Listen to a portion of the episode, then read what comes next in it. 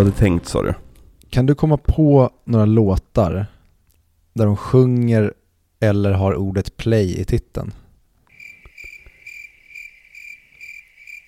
Nu klipper vi in syrsor. Ja, precis exakt. Ehm, För jag tänkte på det bara, jo men det finns ju hur många låtar som helst. Och sen när jag skulle försöka komma på en så, måste det finnas en låt som typ heter Stop playing games with my heart.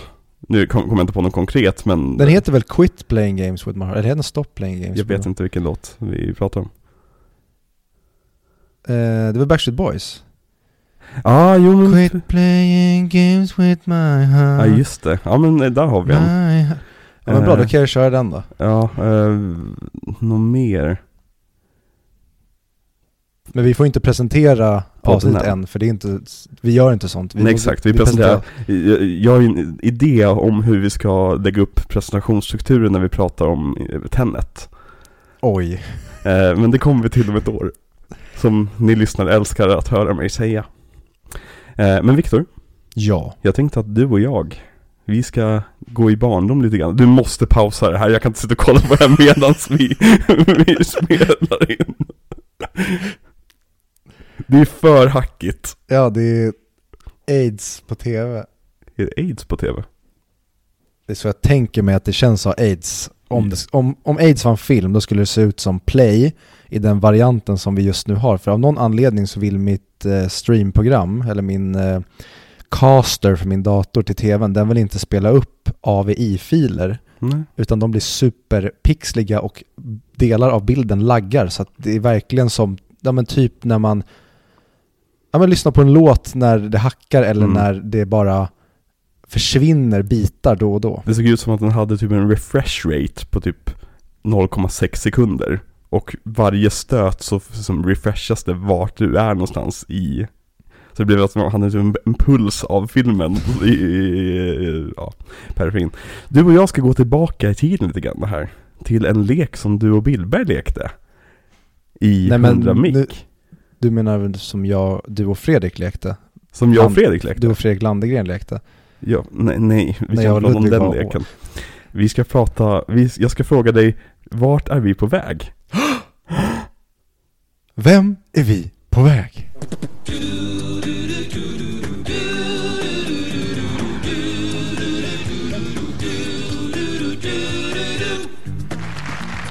Ja, fast det är ingen skådespelare. Nej, Utan det, det, är en, det är en film. Så du ska lista ut vilken film det är jag syftar på. okej. Och jag vill bara varna alla som vill spela med att det här är alltså frågor jag har skrivit klockan tre på natten. Eh, någon kväll när jag inte kunde sova. Det är väldigt flummigt och det är väldigt eh, Ja, jag, ni kan säkert förstå vilken film jag menar, men många av de här sakerna är väldigt interna för att få Viktor att tänka lite grann. Oj. Så då kör vi. Och då måste du, som de gör i På spåret, eller jag tänker mer som eh, Nile City, de säger utslagsfrågan, utslagsfrågan. Att du måste säga poängen, vilken poängnivå det är flera gånger. Ah, ja, definitivt. För de som vill ni, ni, ni som kan svaret, ni behöver inte skrika det rakt ut så Viktor hör det. Utan ni kan skriva ner på en lapp och så kan ni, kan ni jämföra mot svaret sen när, när det är färdigt. Smart. Jag, Jag ställde dem i kylen så att de skulle bli kalla. Smart. Åh gud, jag måste se om Yrrol. Du har aldrig sett Lorry va? Eh, jag har sett typ första fyra avsnitten. Ja. Tyckte om det och Mm. det är kul att se vi, alltså början på bebis, eller bebisen som sen blev Mm. Yrrol. Det, jag blev mest chockad över när jag såg det första gången. Det är ju det att det är en scenföreställning, Mm. faktiskt taget. Vilket man inte tänker att det ska vara. Liksom. Nej, det trodde jag absolut inte att det var. Så det är som en ren sketchshow liksom. Mm. Mycket improvisation och grejer. Är väldigt kul. Ja, för det enda jag har sett av det, det är innan Susanne Reuter kommer in, Mm. när Lena Endre är med istället. Precis. Det är kul. Mm. För Lena Endre är väldigt bra i Lorry. Men hon har också, hon är med i typ en scen va? I Yrrol. Ja, det är begravningen bara tror jag. Ja men precis, jag tror också hon är en av typ så här reklampersonerna för de här märkliga Har du fått gräsfläckar på din fru när ni haft samlag i trädgården? Jag tror det är någonting där. Ja, mycket Ja, möjligt. skitsamma. Så var är vi på väg? För 10 poäng. Att ta sig förbi himlens trappa kan vara svårt. Men har man klarat av en chef som både luktar bränt och som uppfann lögnen, så klarar man nog det mesta. Mm. Jag vill ju säga uppfann lögnen, då vill jag gå till The Invention of Lying, men den har inte jag Mhm. sett. Så den referensen kan jag inte ta. Det är väl Luke Wilson i den va? Eller blanda ihop den med uh, Idiocracy. Du blandar nog ihop det med Idiocracy. Invention of Lying, ja det är Ricky Gervais. Ja. Eh, och vad sa du mer? Du pratade om att... Vill du att jag tar hela frågan igen? Ja men kör den. Mm. 10 poäng. Att ta sig förbi himlens trappa kan vara svårt. Men har man klarat av en chef som både luktar bränt och som uppfann lögnen så klarar man nog det mesta. Oh, ja men okej, n- jag är säker på nu att det är någonting med Ricky Gervais, för jag tänker det är chef med Brent, David Brent. Mhm. Men var är vi på väg någonstans då? Du tänker inte att det kanske är Satan jag pratar om? Himlens trappa, luktar bränt, uppfann lögnen. Jo, fast ja, okej, ska jag försöka koppla ihop? Har Ricky Gervais varit med i någonting där djävulen förekommer?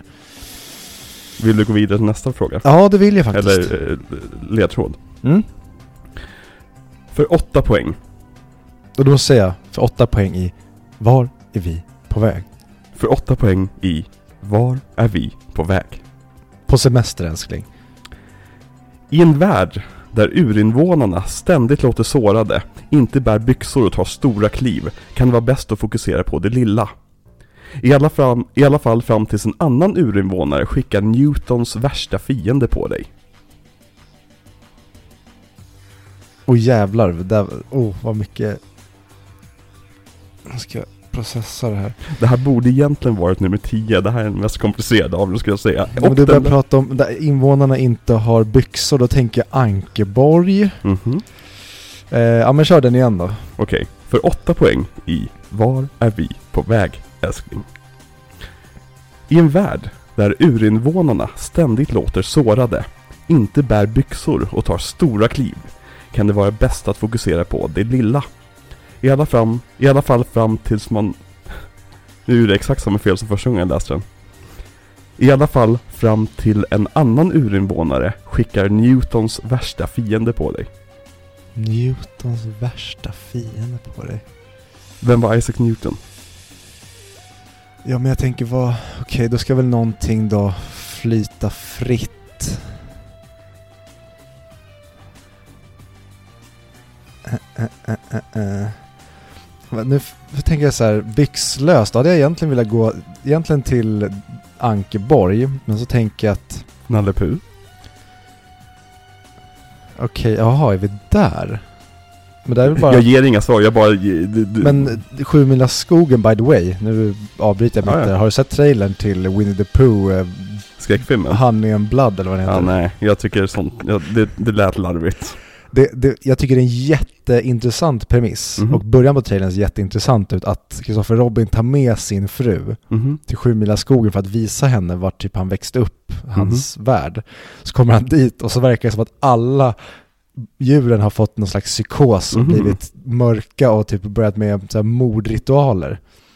Och sen verkar det som att han typ blir mördad och sen Mm. tar sig då Nalle och Nasse tillbaka till ett hus där det är massa ungdomar och därifrån verkar det vara en Mm, vanlig mm. skräckfilm. Men jag tycker premissen är väldigt intressant. Du skulle Ja. kunna göra någonting väldigt roligt med att djuren i Sjumilaskogen tappar det på Ja. grund av att Christopher Robin inte finns där för dem. Men det är ju för att Nalle är i public domain nu. Alla får göra Nalle om de vill. Nej. Jo. Du och jag skulle kunna göra en, det är därför den här filmen har kommit. Annars har ju har Disney och eh, eh, R.L. Miles, tror jag han heter. Hans estate äger rättigheterna. Men nu äger ingen rättigheterna. Okej. Ja, för, för visst var det Christopher Robin-filmen med Hugh McGregor, Disney. den är Disney-producerad. Så det var det sista andetaget innan de tappade det. Ja men precis, fast de har kvar sina rättigheter. Disney har rättigheterna till sin version av Nalle Puh. Ja, okej. Men själva, själva konceptet med Nalle Puh är i, är i public domain. Mm. Vill du att jag drar frågan en, en, en sista gång? eller vill Nej, du jag går vidare till sex poäng för det där var för mycket. Jag, jag, blir, jag är me, mindre... Det känns som jag är ännu snurrigare än efter första. Vad bra. För sex poäng i Var är vi på väg, älskling? På semester. Stora bröst är guld värt. Speciellt för den som lämnat stekpannan för elden. Och det spelar ingen, rost, äh, spelar ingen roll att brösten inte är äkta. Sångare bryr sig inte om sånt. Tvärtom, verkar de gilla det.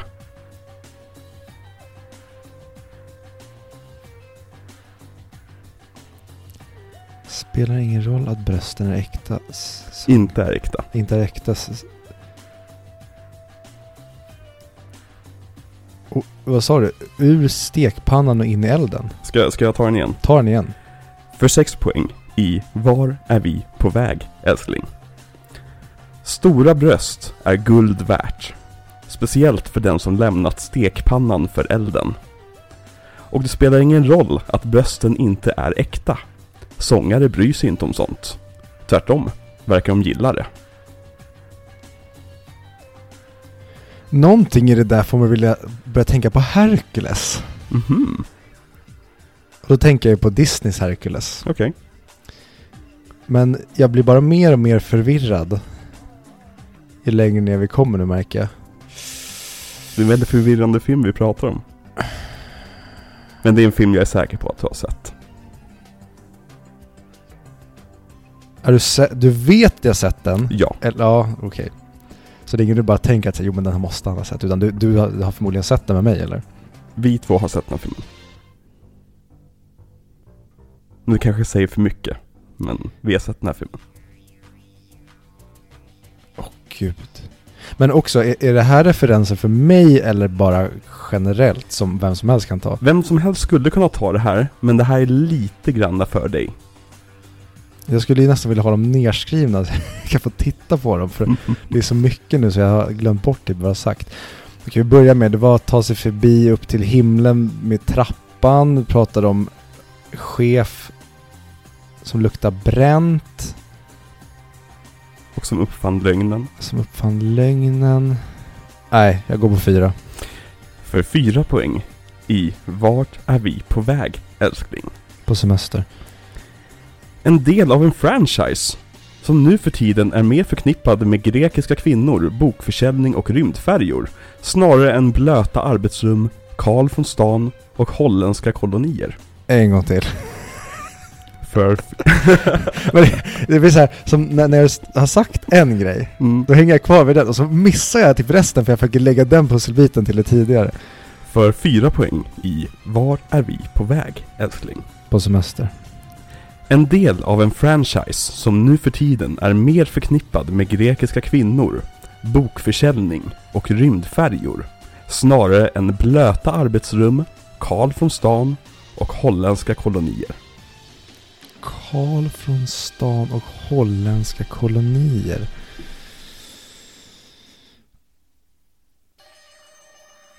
Mm. Nej. jag har ingen Okej. aning. Då går vi vidare till två poäng i Var är vi på väg, älskling? Sista delen i filmserien som krossade en mästerregissörs spelfilmskarriär. Han har sedan dess gjort dokumentärer om skalbaggar som slåss och om hur Frans Ferdinand gav folk Peter Pan-komplex. Okej, ja nu vet jag ju. Men nu ska jag ju försöka lägga pusslet på de tidigare. Mhm. Du tror att du vet det? Jag tror att jag vet. Mhm. Ehm, och jag tror att det är... eh, Drar du i bromsen? Vad sa du? Drar du i bromsen? Ja, d- Mm. Viktor drar i bromsen på Jag två poäng.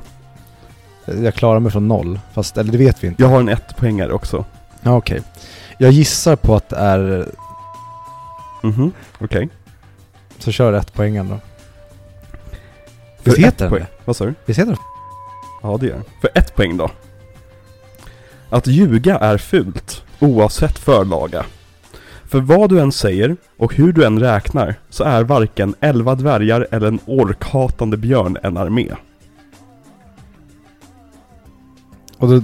Och svaret är Hobbit Battle of the Five Armies. Alright, ja men eh, gå igenom eh, dina ledtrådar då. Okej. För det... För jag var inne på det när du sa ehm, ur stekpannan in i elden. Mhm. För att det är ett kapitel i boken som heter så och Gandalf säger det så jävla subtilt i Okej. eh, första filmen. All right. Det finns en annan anledning varför jag har med det. Mhm. Så jag, men okej. Vi tar, vi tar bara rakt igenom. Att ta sig förbi himlens trappa kan vara svårt. Okej. Himlens trappa på engelska, vad blir det? Stairway to Heaven. Stairway to Heaven är en låt på Led Zeppelin 4 tror jag att det är. Låten efter den, låt, låten, efter den låten på den plattan heter Misty Mountain Hop. Så att ta sig förbi Stairway to Heaven som är en väldigt lång låt kan vara svårt. För folk slutar lyssna där och har oftast inte hört Misty Mountain Hop som är för en hjälpbar låt. Okej, så den referensen har jag, den skulle jag aldrig kunna ta i hela mitt liv. Hur mycket Nej nej det, det är inte meningen att man ska kunna ta den. Det är 10 poäng vad fan. Eh, Men har man klarat av en chef som både luktar bränt och som uppfann lögnen så klarar man nog det mesta. David Brent, du var inne på rätt spår. Och det är ju Martin Freeman som spelar Tim, eller Jim då, i Mm. eh, engelska The Office. Så han hade ju David Brent som chef. Så jag tänkte att om, om, Ah. om Bilbo har klarat av David Brent som chef, då, då kan man klara av det mesta. Mm. I en värld där urinvånarna ständigt låter sårade, inte bär byxor och tar stora kliv. Okej. Aragorn, i den tecknade versionen av Sagan om ringen, ser ut som en amerikansk urinvånare som inte bär några byxor. Hans röst är gjord av John Hurt, låter sårade Mm. och tar stora kliv, Strider. Och är bra att fokusera på det lilla, The Hobbit. Ja. Mm. I alla fall fram tills en annan urinvånare skickar Newtons värsta fiende på dig. Okej, den här är komplicerad. Th- Thundrill heter han väl? Thundrill. Legolas farsa. Sandruil, ja. Spelas av Lee Pace. Mm. Så, som i Marvel-filmerna spelar Ronan the Accuser. Ronan är en del av en, en utomjordisk ras som heter The Cree. Cree är namnet på en annan urinvånarstam eh, stam i USA. Så han är den andra urinvånaren. Som skickar Newtons värsta fiende på dig. Det vill säga Legolas som bryter mot grav- gravitationsteorin konstant. Mm. Ja.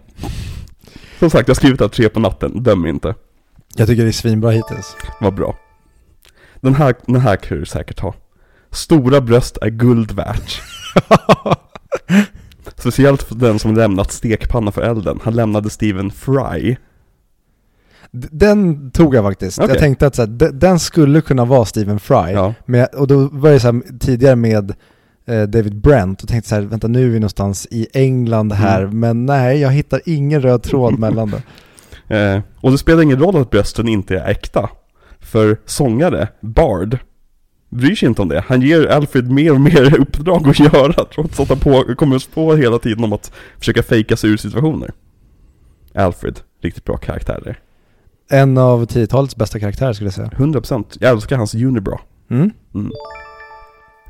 En del av en franchise som nu för tiden är mer förknippad med grekiska kvinnor, amazoner, bokförsäljning, Amazon började som bokförsäljning, Mm. och rymdfärjor, ja men hela med Bezos, tänkte säga SpaceX men det är inte han, men ja, han håller ju också på med sånt. Mm.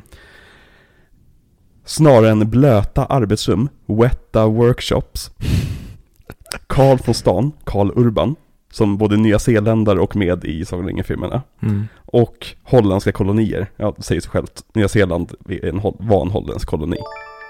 Nummer två då. Sista delen i, fi- i filmserien som krossade en mästerregissörs spelfilmskarriär. Ja, Peter Jackson har inte gjort en enda spelfilm efter den här filmen. Och vad ryktet verkar säga så tappade han all, all, liksom, all lust att göra mer spelfilm av den här filmen. Vilket är tragiskt. Ja, och förståeligt. Och han har sedan dess gjort dokumentärer om skalbaggar som slåss, det vill säga Get Back Beatles dokumentären. Och hur Frans Ferdinand gav folk Peter Pan-komplex. They shall never grow old, hette filmen. They Mm. shall not grow old. Mm. Peter Pan-komplex. Och det är ju på grund av Frans Ferdinand, hertigen av eh, Österrike-Ungern tror jag det var. Mm. Eller, ja, eller Serbien. Det var serbiska nationalister, hur som helst, som dog och... och Serbien va? ja men det måste ju vara Serbien, för det blir är svarta handen som... Eh, Skotten i Sarajevo. Ja men precis. Ja. Skotten i Sarajevo. Det är Willy från Simpsons som var där. Jaha. They shall never take our freedoms. Okej. Det, var, det kan säkert ha hänt att de skrek det innan de sprang ut och sköt honom. Skitsamma. Klipprums Alex här. Som den historienörden jag är så känner jag att jag måste ge lite mer kontext till det vi precis pratade om och lite, lite rättelse. För Frans Ferdinand, han var eh, tronarvinge till, arving, arvinge, skitsamma, eh, till den Österrike-ungerska kronan. Eh, I och med att hans pappa var brorsa med kungen och sen har alla dött så att det var liksom hans tur nu. Och han var ju då på statsbesök i Sarajevo som ligger i Bosnien-Hercegovina när den serbiska terrorgruppen Svarta Handen begick ett eh, terrorattentat mot honom genom att kasta en handgranat mot hans bil. Eh, den exploderade men som tur var så skadades bara två personer. Men en av de här medlemmarna ur Svarta Handen, Gavrilo Princip, tänkte att ja men terrorattentat, det, det gör en hungrig. Så jag sätter mig här på ett café och tar en macka tänker över mitt liv lite grann. Vad gör man nu efter ett misslyckat terrorattentat? Liksom, blir, jag, blir jag tekniker, bygger bomber eller jag kanske ska börja skriva politiska manifest och vänta, vad, vad är, vad är det där? Jag ser Frans Ferdinands kortege komma ner för gatan. Och inte bara komma ner för gatan utan på grund av att de försöker göra en avancerad vändning av kontersen så stannar alla bilarna praktiskt taget framför Gavillo Princip. Som då tar tillfället i akt, tar upp sin pistol och skjuter ihjäl både Frans Ferdinand och hans fru. Ehm, det här blev ju inte Österrike-Ungern så glada över. Förståeligt, i och med att det är inte bara deras liksom, kronarvinge som har dött utan nu, nu är det en lång rad av personer i, i arvsföljden som har dött, det börjar bli kaosigt här. Så um, jada, jada, jada, de förklarar krig mot Serbien. Och Serbien kallar in sina allierade och sen så eh, kallar Österrike-Ungern in sina allierade. Och hela Europa sitter ju egentligen bara och väntar på krig här. Eh, de har ju sina nya leksaker, maskingevär, bomber och så vidare som alla bara vill ut och testa på fältet. Och dessutom så är det ju också väldigt starka nationalistiska vindar som blåser det, det var rätt, en rätt ny och fräsch grej på den tiden. Ehm, alla ville liksom visa att ja, men, vårt land är det starkaste landet och vi ska, tyvärr, vi ska inte eh, ge oss för tyskarna eller vi ska inte ge oss för fransmännen och så vidare. Så det fanns väldigt mycket spänningar här. Och alla de här spänningarna ledde då till det värsta kriget i världshistorien. Eller i alla fall fram tills uppföljaren som började några år senare då. Och det var allt. Tack för mig. Eh, Frans Ferdinand gav folk Peter Pan-komplex, jättekul ordvits. Eh, att ljuga är fult oavsett förlaga för vad den säger och hur den räknar så är varken elva dvärgar eller en orkhatande björn någon armé. Och det stämmer ju, liksom, försök räkna arméerna i Battle of the Five Armies och du kommer hela tiden upp till fyra. Om du inte räknar de två orkarméerna som två olika arméer, även fast de slåss på samma sida och i samma art och ras. Ja. För att i boken, då är det väldigt diffust vilka den femte armén är, har jag läst om. Det, det kan vara fladdermössen som kommer, eller så är det vargarna som kommer. Man vet aldrig riktigt vad tolken faktiskt menade med den. Mest för att den nämns i typ en mening och inte är basen på en hel film. Mm. Herregud, jag kommer ihåg när vi var såg den. Mhm. Vi har sett den två gånger du och jag. Mm. På bio och sen såg vi extended version för något år sedan. När man lagt till fler Alfred-scener. Mm. Och man märkte att så här, men det är viktiga scener som har klippts bort här. Så ni valde alltså att behålla alla Alfred-scener till, till den vanliga versionen. det är helt bisarrt. Jag, jag vill bara tänka att Peter Jackson, han lämnade över allt som han kunde till någon assistant Mm. unit director och sen bara säga klipp hur fan ni vill, jag bryr mig inte längre. För det är lika bra och mindblowing som originaltrilogin är, eller Mm. heter Härskaringen-trilogin är, lika usel är. Ja. Eller, Okej, första Hobbit är, den har ändå sin charm. Mm. För där finns det ändå någonting, den tar väldigt mycket från boken. Men tvåan och trean, det verkligen stegrar i clusterfuckness. Ser du hellre Rings of Power än Hobbit? Jag vet inte, oh jag ska inte recensera det än. Jag har sett tre och ett halvt avsnitt nu Mm. av Rings of Power. Men det är... Okej, kort bara. Det är som att de har försökt göra Sagan om ringen i tonen. Men det ser ut som Hobbit. Okej.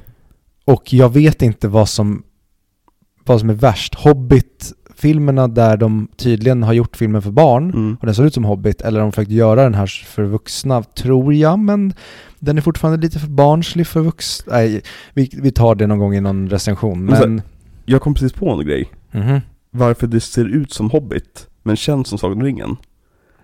Jag tror att Sagan om ringen kanske inte går att filma digitalt. Alltså jag menar att, att det blir för fake. För att originalfilmen är ju filmade i liksom, på, på, på rulle. Mm, Det, det tror jag har en enorm betydelse. Mm. För du kan inte göra, framförallt när du jobbar så mycket med green screen och du ska ha Mm. fake miljöer och framförallt när du har, som i Hobbit då, när allting är Ja men du har väldigt mycket proteser och allting är liksom gummireplikor och sånt som ska se ut som, som att det ska väga. Då måste du ha det här alltså filmrulle, Filtret. green, ja precis, för Mm. det måste ta bort det. Exakt. Så att det, Och Hobbit är dessutom filmad i 36 FPS. Vilket är en längre diskussion vi kan gå in nej på en annan gång. 48 väl? Ja men 48, ja förlåt, ja exakt. Ja det, Vilket bara gör saken ännu svårare för dem. Snacka om att lägga krokben för sig själva. de borde typ gjort tvärtom. Jag har typ dragit ner till 12 FPS. ja, vi jag kommer, någon gång kommer jag ha en lång utläggning om FPS. Och det menar jag inte first person shooters utan frames per second. Mm. Det är, som jag är väldigt glad för att vi fick Mm. av The Hobbit, det är den första trailern. För den är mindblowingly bra när dvärgarna står och sjunger vid brasan. Då tänkte jag att ja, det här kommer bli typ på Sagan om ringen-nivå, kanske bättre. För här gör ni någonting mörkt och liksom i den här äventyrliga Mm. boken som är tajtare än Sagan om ringen-böckerna. Mm. Men nej. Nej. Och jag försvarade ju Hobbit-filmerna fram till trean. Jag var så här, jo men det är ändå bra det här. Det var ju, första Hobbit-filmen var ju den första filmen vi såg på bio när vi, väl, när vi tog upp vår vänskap igen. Ja visst var det det? Ja. Det var typ den, den som liksom återuppväckte vänskapen. Från, från barndomen då. Kul. Mm, Efter att jag hade legat med din fru och slagit dina barn och... Exakt. Du hade legat med, med min fru Sissi och slagit mina två små barn. Mm. De som alltid är borta när jag har tjejer över hemma. Ja, Exakt. de är ute på gården och leker. Precis.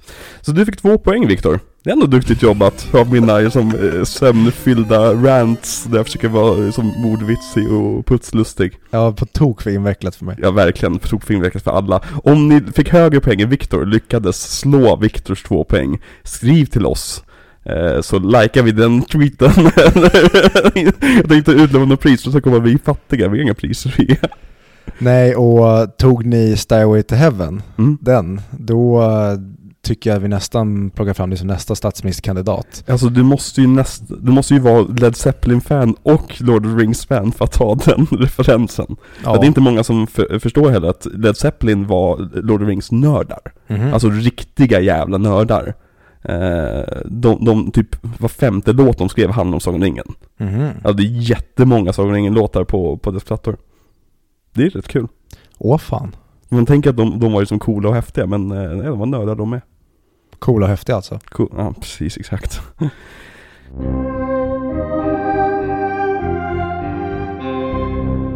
Nu är det här avsnittet lite försenat. Eller så här, vi förberedde det här avsnittet typ fyra gånger och sen så var du sjuk och sen så var jag sjuk och sen så var du sjuk och sen så hade jag glömt mikrofonen så visade det att jag inte alls hade glömt mikrofonen utan det låg en jävla sko. Eh, så jag har lite grejer jag vill ta upp med dig som, som jag har varit på med nu över veckorna. Vi, har Mm. inte, vi har inte setts på några veckor än. Vi har spelat in i 26 minuter, vi har fortfarande inte kommit till filmen än. Men Nej, vi har eh, inte ens presenterat vad podden heter. Det är perfekt. Pinocchio. Har du sett Pinocchio? jag har sett den gamla från, vad är den, från 40? Ja, Mm. någonting 43. Mm. Den såg jag väldigt mycket som barn Mm. och den gav mig enorm ångest. Vad gav dig ångest i den filmen? Eh, Åsnescenerna, Mm.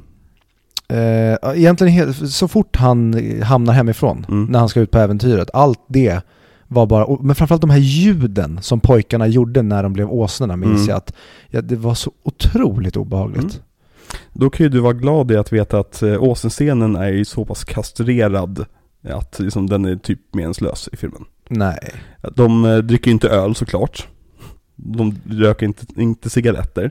Utan det som pojkarna blir straffade för, och flickorna är det såklart, eh, nu för tiden. Eh, det de blir straffade för är för att de äter för mycket godis och dricker för mycket läsk.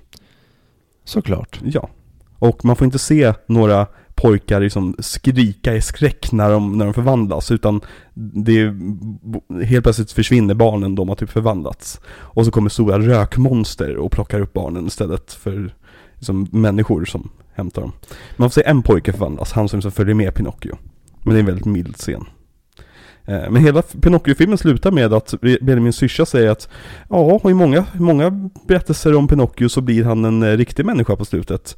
Men, eh, men riktighet kommer inifrån alla barn. Så hej då! Och det är så filmen slutar. Och innan dess har Geppetto bett om ursäkt till Pinocchio för att han ens använde orden riktig pojke och önskade det om honom. När han bara liksom, men du, jag har alltid varit en riktig pojke. Så det är vad den filmen handlar om. En, en docka som föddes. Och insåg att, jo men jag, jag är, lever. Istället för en, en metaforisk fabel om de farorna som en, en ung pojke som släpps ut i världen kan uppleva med grupptryck och, och med, med frestelser och, och uh, fame, vad heter det på svenska, kändisskap. Nej, nej, ingenting av det spelar någon roll för Pinocchio har, var perfekt från början. Han hade bara behövt stanna hemma och acceptera det. Ja, nej men precis. Hans resa betyder ingenting, tycker Disney. Och Åh, Tom Hanks är faktiskt riktigt bra. I typ två sekunder. Jag förstår inte vad grejen är med Tom Hanks och att han ska försöka förstöra sin karriär med märkliga dialekter. För det är det han håller på med just nu.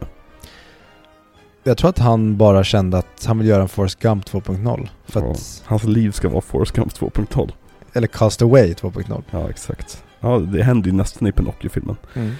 Ja, nej, se den inte. Det är årets sämsta film hittills. Eh, ett av fem, underkänt. Jag hörde att den var väldigt ful. Ja, men det är väl alla Disney-remakes. True. Alltså de är så platta, de har ingen färgskala alls. Allting är bara gjort för att som, kunna streamas på Disney Plus så snabbt som möjligt. Det, är som, det finns ingen stil eller känsla där längre. På tal om eh, fula filmer. Mm. Jag såg om eh, Blood Diamond igår. Jag har bara Som- en gång. Ja, jag med tills igår. Ja. Inte en ful film. Mhm. Det är... Åh, det är sån jävla visual porn. Är det inte Roger Deakins som har fotat den? Är det det? Det kanske det är. Det, det bara ringer en klocka nu, det kan mycket väl vara så att det inte är det. Den, alltså, allt är på riktigt. Ja. Allt är filmat i Afrika i riktiga miljöer och det är allt, ja men bara classic cinema. Mm. Och Leonardo DiCaprio är, ja han blev Oscars-nominerad för den. Han är, Jag minns också att han fick väldigt mycket skit för dialekten. Att den ska vara väldigt fake. jag är dålig på just en liksom sydafrikansk dialekt. Jag med. Jag är väldigt dålig överlag när jag kommer på, då, eh, på dialekter. Alltid typ såhär när jag läser så Benedict, Benedict Cumberbatch, kan han sluta göra sin fake amerikanska dialekt i filmer? Jag har typ såhär, va? Gör inte! Så att, han, att den ska låta fake liksom. Men ja.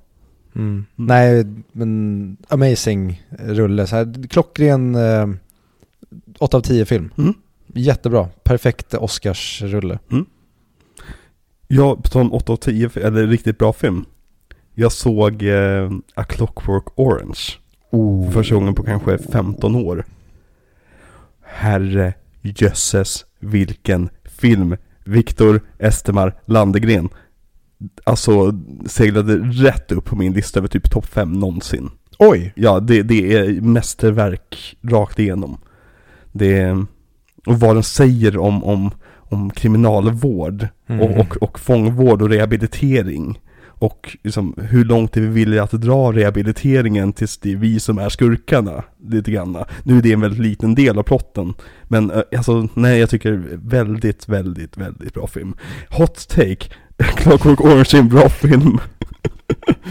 ja, Vi får ta upp det någon gång. exakt. Och för er som vill höra mer snack om det så har jag och Billberg gjort ett avsnitt om den i 100 mick. Ja, och vi planerar ju köra Kubrick någon gång i framtiden. Mhm. För det kommer bli väldigt kul. En lite äldre regissör. Vi pratar om väldigt moderna Mm. hittills. Vi får göra det när han släpper en ny film. Ja men precis. Det kunde man sagt på 80-talet också. Det är t- tio år med hans näst sista och hans sista film. Fatta att det är liksom 99 eller vad fan det var. När, Mm, Ice White Shut är väl 99 va? ja, att bara säga nu kommer Kubrick med en ny film. Ja, roliga tider. Och han dog innan den släpptes va? Ja precis, han dog typ två veckor innan. Shit. Ja. Och den är helt och hållet inspelad eh, typ över länk har för mig. De bitarna som inte är inspelade i London. Mhm. Även fast den är som utspelar sig i New York, för han vägrade flyga över till USA. Det är intressant alltså. Ja, in, jätteintressant man. Vi borde verkligen göra en miniserie om honom. Mm. Finns ju någon eh, dokumentär om honom på, tror på HBO som ska vara jävligt bra som kom typ i år eller förra året. Mm. Kanske värt att kolla in. Blank Check, min favoritpodcast, de Mm. kör Kubrick just nu. Oh. Eh, Det är väldigt, väldigt, väldigt spännande. Nu, nu har de precis kommit in i som mästerverkseran. Så det är, jag ser fram emot kommande avsnitt. Va, när ska de köra Ruben Östlund då? Eh, Det, det skulle inte vara helt omöjligt att de kör Ruben Östlund. De har pratat om det faktiskt. Fan vad kul det hade varit att höra amerikaner Verkligen. köra. I och med att det är som svensk, sådana svenska filmer liksom. Mm. Mm. Välkomna tillbaka till Audio Videoklubben. Audio videoklubb Klubben Klubben är en väldigt bra podcast Bra på Och där ger jag mig. Ja. Ingen ska behöva lyssna mer på det där. Vil, vilka är det som sjunger den låten? Backstreet Boys eller Westlife vill jag sätta allt jag äger och har på. Ja. Låt, låt, låt dem behålla låten. Mm. Jag tror ändå jag skulle ha en chans att ta mig in där som någon slags bak obehaglig bakgrundsdansare. Ja, du kan ju vara obehaglig på flera olika sätt. Mm. Men det är bättre att man kan blunda och slippa se mig än Mm. att behöva höra mig någonstans i låten. Minns du när Nick Carter, nej, nej Aaron Carter, Mm. blev, blev typ nästan större än Backstreet Boys där ett tag? I want candy var det, Ja, va? men precis, det. exakt. Mm. Ja. Han var min stora idol. Ja, konstigt att man inte blev svärdryttare med den kärleken jag i alla fall hade för boybands. Ja, verkligen. Men vad fan. men det var, och jag minns hur jag ville tycka om Spice Girls, Mhm. men det fick man ju inte göra. Nej men det var ju typ en fight mellan Spice Girls och Backstreet Boys. Mm. Och så typ lekte man hela tiden att liksom, men vi är Backstreet Boys, ni är Spice Girls, så ska vi gifta oss. Ja, fanns det inga svarta i Westlife och Backstreet Boys för? Fast, Blue kom ju sen. fast det De hade ju en svart snubbe. i, i Backstreet Boys. Inte han AJ? Eller var jag som minns fel? Han är som mest av typ italiensk descent. Okej. Ja, ja, skitsamma. Denna vecka ska vi prata om filmen Ply. Ja, plywood, Nej. skiva. Okej. Nej. Vi ska prata om filmen Play från 2011. Jajamän. Regisserad av Ruben Östlund. För vi är fortfarande kvar i Ruben Östlund miniserien. Även fast vi spenderar 35 minuter nu med att försöka komma bort från Rub- Ruben Östlund så är vi tillbaka i Ruben Östlund. Ja. Och Viktor, vad har hänt sen sist? För han släppte ju De Ofrivilliga. Ja, och nu har det gått så lång tid sedan vi spelade in sist. Vad är det? Typ tre veckor sedan. Ja, något sånt. Och det är de- Fyra timmar. Vi hade ju gott om tid, liksom framförhållning till Ofrivilliga. Just det. Och vi pratade väl aldrig förra avsnitt om Händelse vid bank.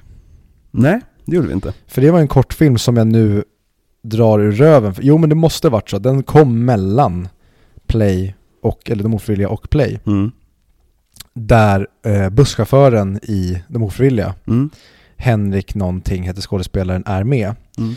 Och det är en kortfilm på typ, jag tror att den är typ 11 minuter, som är ehm, en filmatisering av ett rån som skedde. Mhm. Där det var ett par snubbar som dök upp på en moppe och det var det mest taffliga rånet någonsin. De gick in fel ingång på Mm. SE-banken.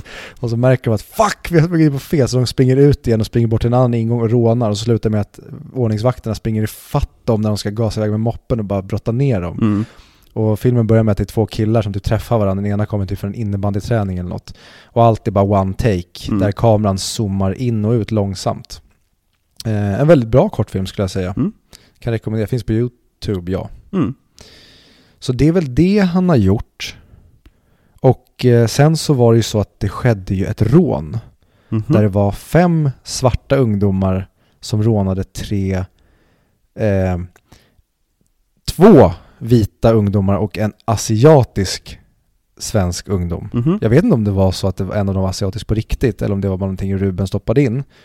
Men det var en stor händelse som skrevs mycket om i tidningarna Mm. och det var någonting som provocerade Ruben utav bara helvete.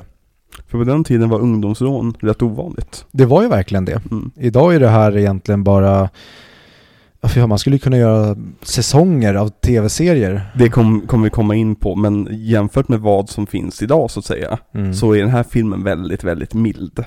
Den är väldigt snäll. Ja, Och det är det jag tycker är så roligt med filmen och även titeln. mm, Det här med vad är det här egentligen? mm, För det är ju bara lek för dem. de gör det här typ i brist på annat. Jag hade ju helt fel. Jag hade ju fått för mig att det här skulle vara någon slags som kvasimusikal. Ja just det.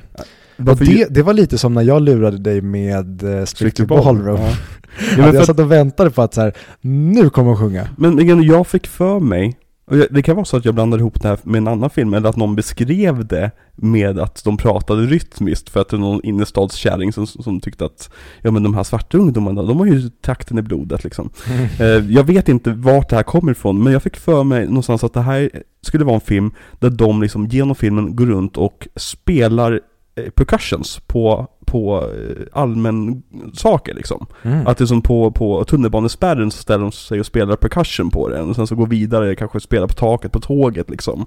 Att det som var en liksom, typ som en dansfilm nästan. Och då kör de nej nej nej nej nej nej nej nej nej nej nej nej nej nej Okej. Ja, men så det, det var därför jag sa att det var en musikal, vilket jag hade helt fel med. Ja men bra, för då eh, satt jag och tittade på en film som eh, var någonting helt annat än vad jag förväntade mig. Det är alltid kul. Mm. Men eh, okej, fortsätt. Han fick inspirationen till den här filmen på grund av att han läste, läste om ett brott som hade begåtts. Ja men på grund av ett sånt här ungdomsrån där det var fem svarta ungdomar som följde efter tre svenska ungdomar Mm. och, eller barn är det ju, det är inte ens ungdomar.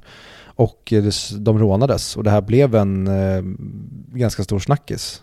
För det här- de, det var väl, de hade ju typ rånturné, eller hur? Att de hade gjort det som att, mot flera. Ja, och det börjar ju filmen med att två pojkar blir ju rånade Mm, och sen får man se då vi får följa deras nästa offer. precis. Vilket jag, jag tycker väldigt, väldigt mycket om sånt i filmer. När, som typ en skräckfilm, att filmen börjar med att någon blir mördad. Mm. Och sen kommer filmen igång med våran protagonist. Som sen kommer behöva tampas mot den här då Mm. antagonisten. Nu säger jag inte att de är skräckfilmsmonster här, utan jag gillar bara när, när det börjar med någonting som sen inte det handlar om. Mm. Det bara visar vad det kommer förmodligen att handla om, men det utspelas inte med de här karaktärerna. En, en liten button i början. Det, Ja. det här kan du vänta dig, anslaget som du brukar Ja, kalla det. exakt. Eh, Jag har också läst filmvetenskap faktiskt, fast i gymnasiet. Jaha. Ja, bara ett år. Jag har inte läst filmvetenskap mer än, alltså jag har ju ingen kurs i det, utan det var Mm. bara en del av utbildningen som jag gick. Mm. Jag hade- det som tillvalskurs, så på kvällarna, eh, typ varje onsdag, Mm. så typ klockan fem sex på kvällen så gick jag tillbaka till skolan så fick jag se en film och så pratade vi om den. Väldigt kul. Ja, jag ångrar att jag inte gjorde mer sånt där i skolan. Mm. Nej, jag insåg gjorde typ ingenting alls sånt här. Det var typ den enda grejen jag tyckte var rolig. Så. Förutom musiklektioner kanske. Och historia. Och psykologi. Ja, skitsamma. Jag tyckte, i efterhand så tyckte jag skolan var rätt rolig. Det är bara det att jag är så jävla lat. Jag tyckte skolan var väldigt tråkig och förstod hur kul skolan var efter jag hade gått skolan. Ja, för nu skulle man inte vilja göra något annat än att gå i plugget. Nej, För att det var roligt att sitta på en SO-lektion. verkligen. Vi är så jävla torra du och jag. Mm. Ja. Ska vi dra lite kort vad filmen handlar om bara rent konkret? Mm. Eh, det handlar då om, om ett, eh, ett invandrargäng som det så fint kallas nu för tiden. Eh, som helt enkelt letar reda på väldigt typ un- unga, oskyldiga Svensson-killar. Mm. Och går fram till dem först och säger Du, mobilen du hade, får, jag se på den? Och så säger de liksom, nej men eh, varför då? Typ så här, jo men får jag bara kolla på den? Och som de hela tiden pushar hela tiden framåt. Och liksom hela tiden ökar hotnivån Samtidigt som de har en sympatisk karaktär med Som ska liksom dämpa ner hotnivån och sen få dem då att gå med på det de vill att de ska gå med på Älskar good cup-karaktären. Verkligen. Och de, de, liksom, ja, de tar fram telefonen och säger de att ja, men det där ser precis ut som min brorsas telefon. Han blev rånad i helgen. Uh, Följ med oss här ska vi, ska vi träffa min brorsa. Och ska du få visa upp telefonen så ska han säga att det inte är hans, men vi måste lösa det här. Mm. Och de hela tiden så här. Det är så subtilt gjort, den här öppningen av stakesen hela tiden. Och Mm. att hela tiden får dem att vilja gå med på nya, nya villkor. Att de i början säger de att ja, men ni behöver inte följa med. Det är bara vi, han kommer hit till oss. Och sen så liksom börjar de bråka mellan varandra, det här invandrargänget, på låtsas då för att öka att, att pressen ligger på. Mm. Och då säger de så här, men istället för att vi, vi ska hålla på och bråka om det här, kan inte ni bara följa med så löser vi det här snabbt liksom. Och så tar de helt enkelt med pojkarna på en, på en tur runt stan. Eh, med syfte att råna dem. Ja, Och det är väl det filmen handlar om. det är verkligen det. Och jag har själv varit med om precis det som händer dem. Inte av ett, alltså en annan etnisk grupp, Mm. om man säger så.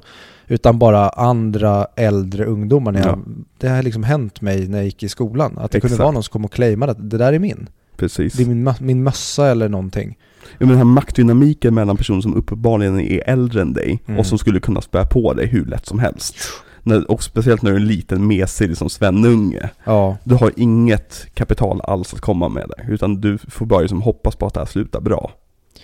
ja och den här filmen fick ju väldigt den fick ju väldigt positivt mottagande. Ska vi vä- vänta med mottagandet senare? Nej men jag vill Ja. bara komma in på det, den fick väldigt positivt mottagande. Mm. Men han fick enorm kritik, Ruben, för Mm. att folk påstod att Ruben var rasist. Mm. För att han hade gjort en film om där svarta bara gick runt och rånade vita. Och då känner jag bara att, då har ju inte du tittat på filmen. Mm. Han försöker ju berätta någonting helt annat här. Han försöker ju göra en poäng av att det är ju inte att de svarta går runt och rånar vita. Utan det är ju att de här gör ju det bara för att de tänker ju att men de kommer ändå få nya saker av sina pappor. Exakt. Den, filmen gör ett väldigt bra jobb med att göra så man får empati för alla karaktärer. Ja, Och det är verkligen det här att det finns inga skurkar eller, eller alltså självklart finns skurkar, man ska inte råna folk. Man ska inte hota folk och ta med dem på liksom, ta ut dem ut i skogen för att, ja, ta deras saker. Självklart inte. Men man förstår ju hela tiden, de blir väldigt mänskliga de här personerna.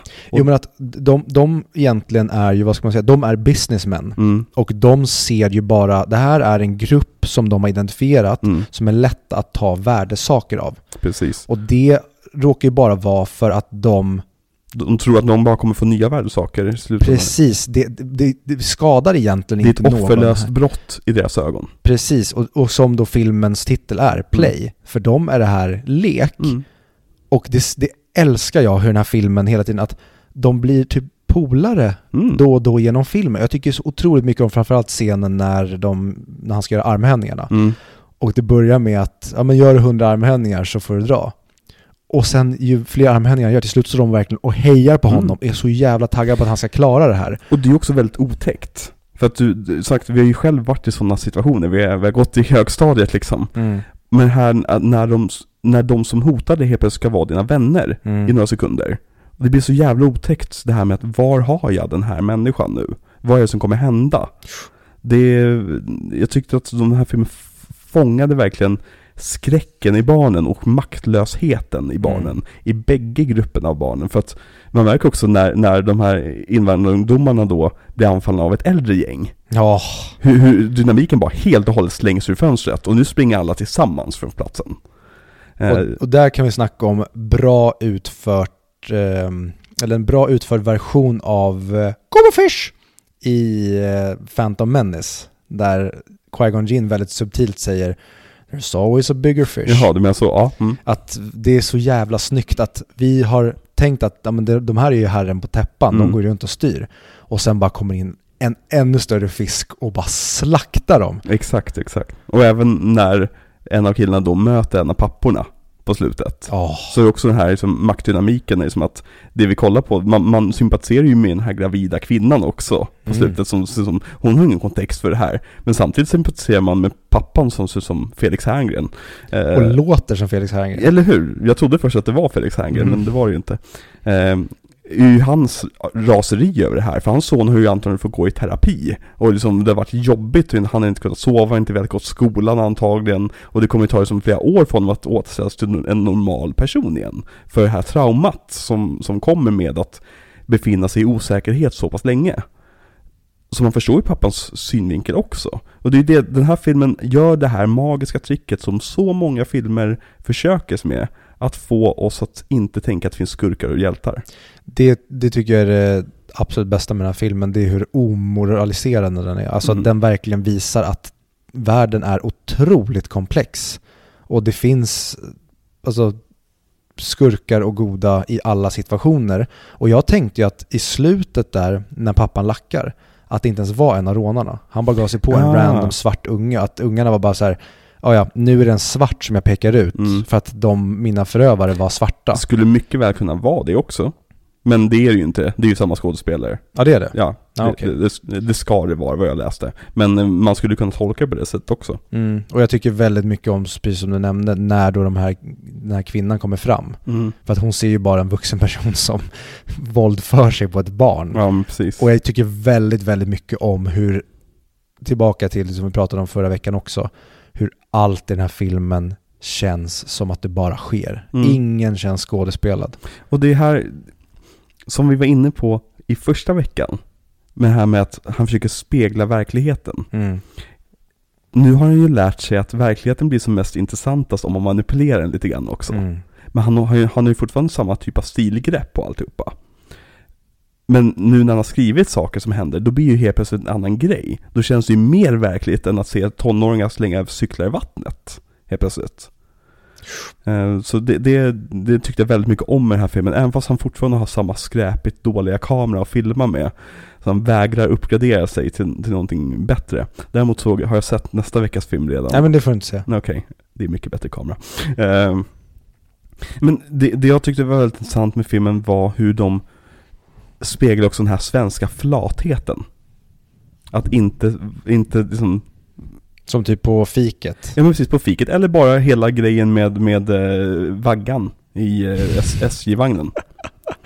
Den, den tyckte jag först var väldigt la- larvig. Mm, Och sen hur den utvecklade sig var väldigt kul. exakt. Och den, den får en poäng till slut. Man sitter och undrar varför kollar vi på det här? Mm. Och så bara, jaha okej, du, det, det är ett komplement till huvudhistorien. Okej, jag är med, jag är med. Mm. Eh, nej men det här med att det är liksom allt det här kunde bara kunde ha förhindrats om vuxna personer var lite mer engagerade i vad som händer.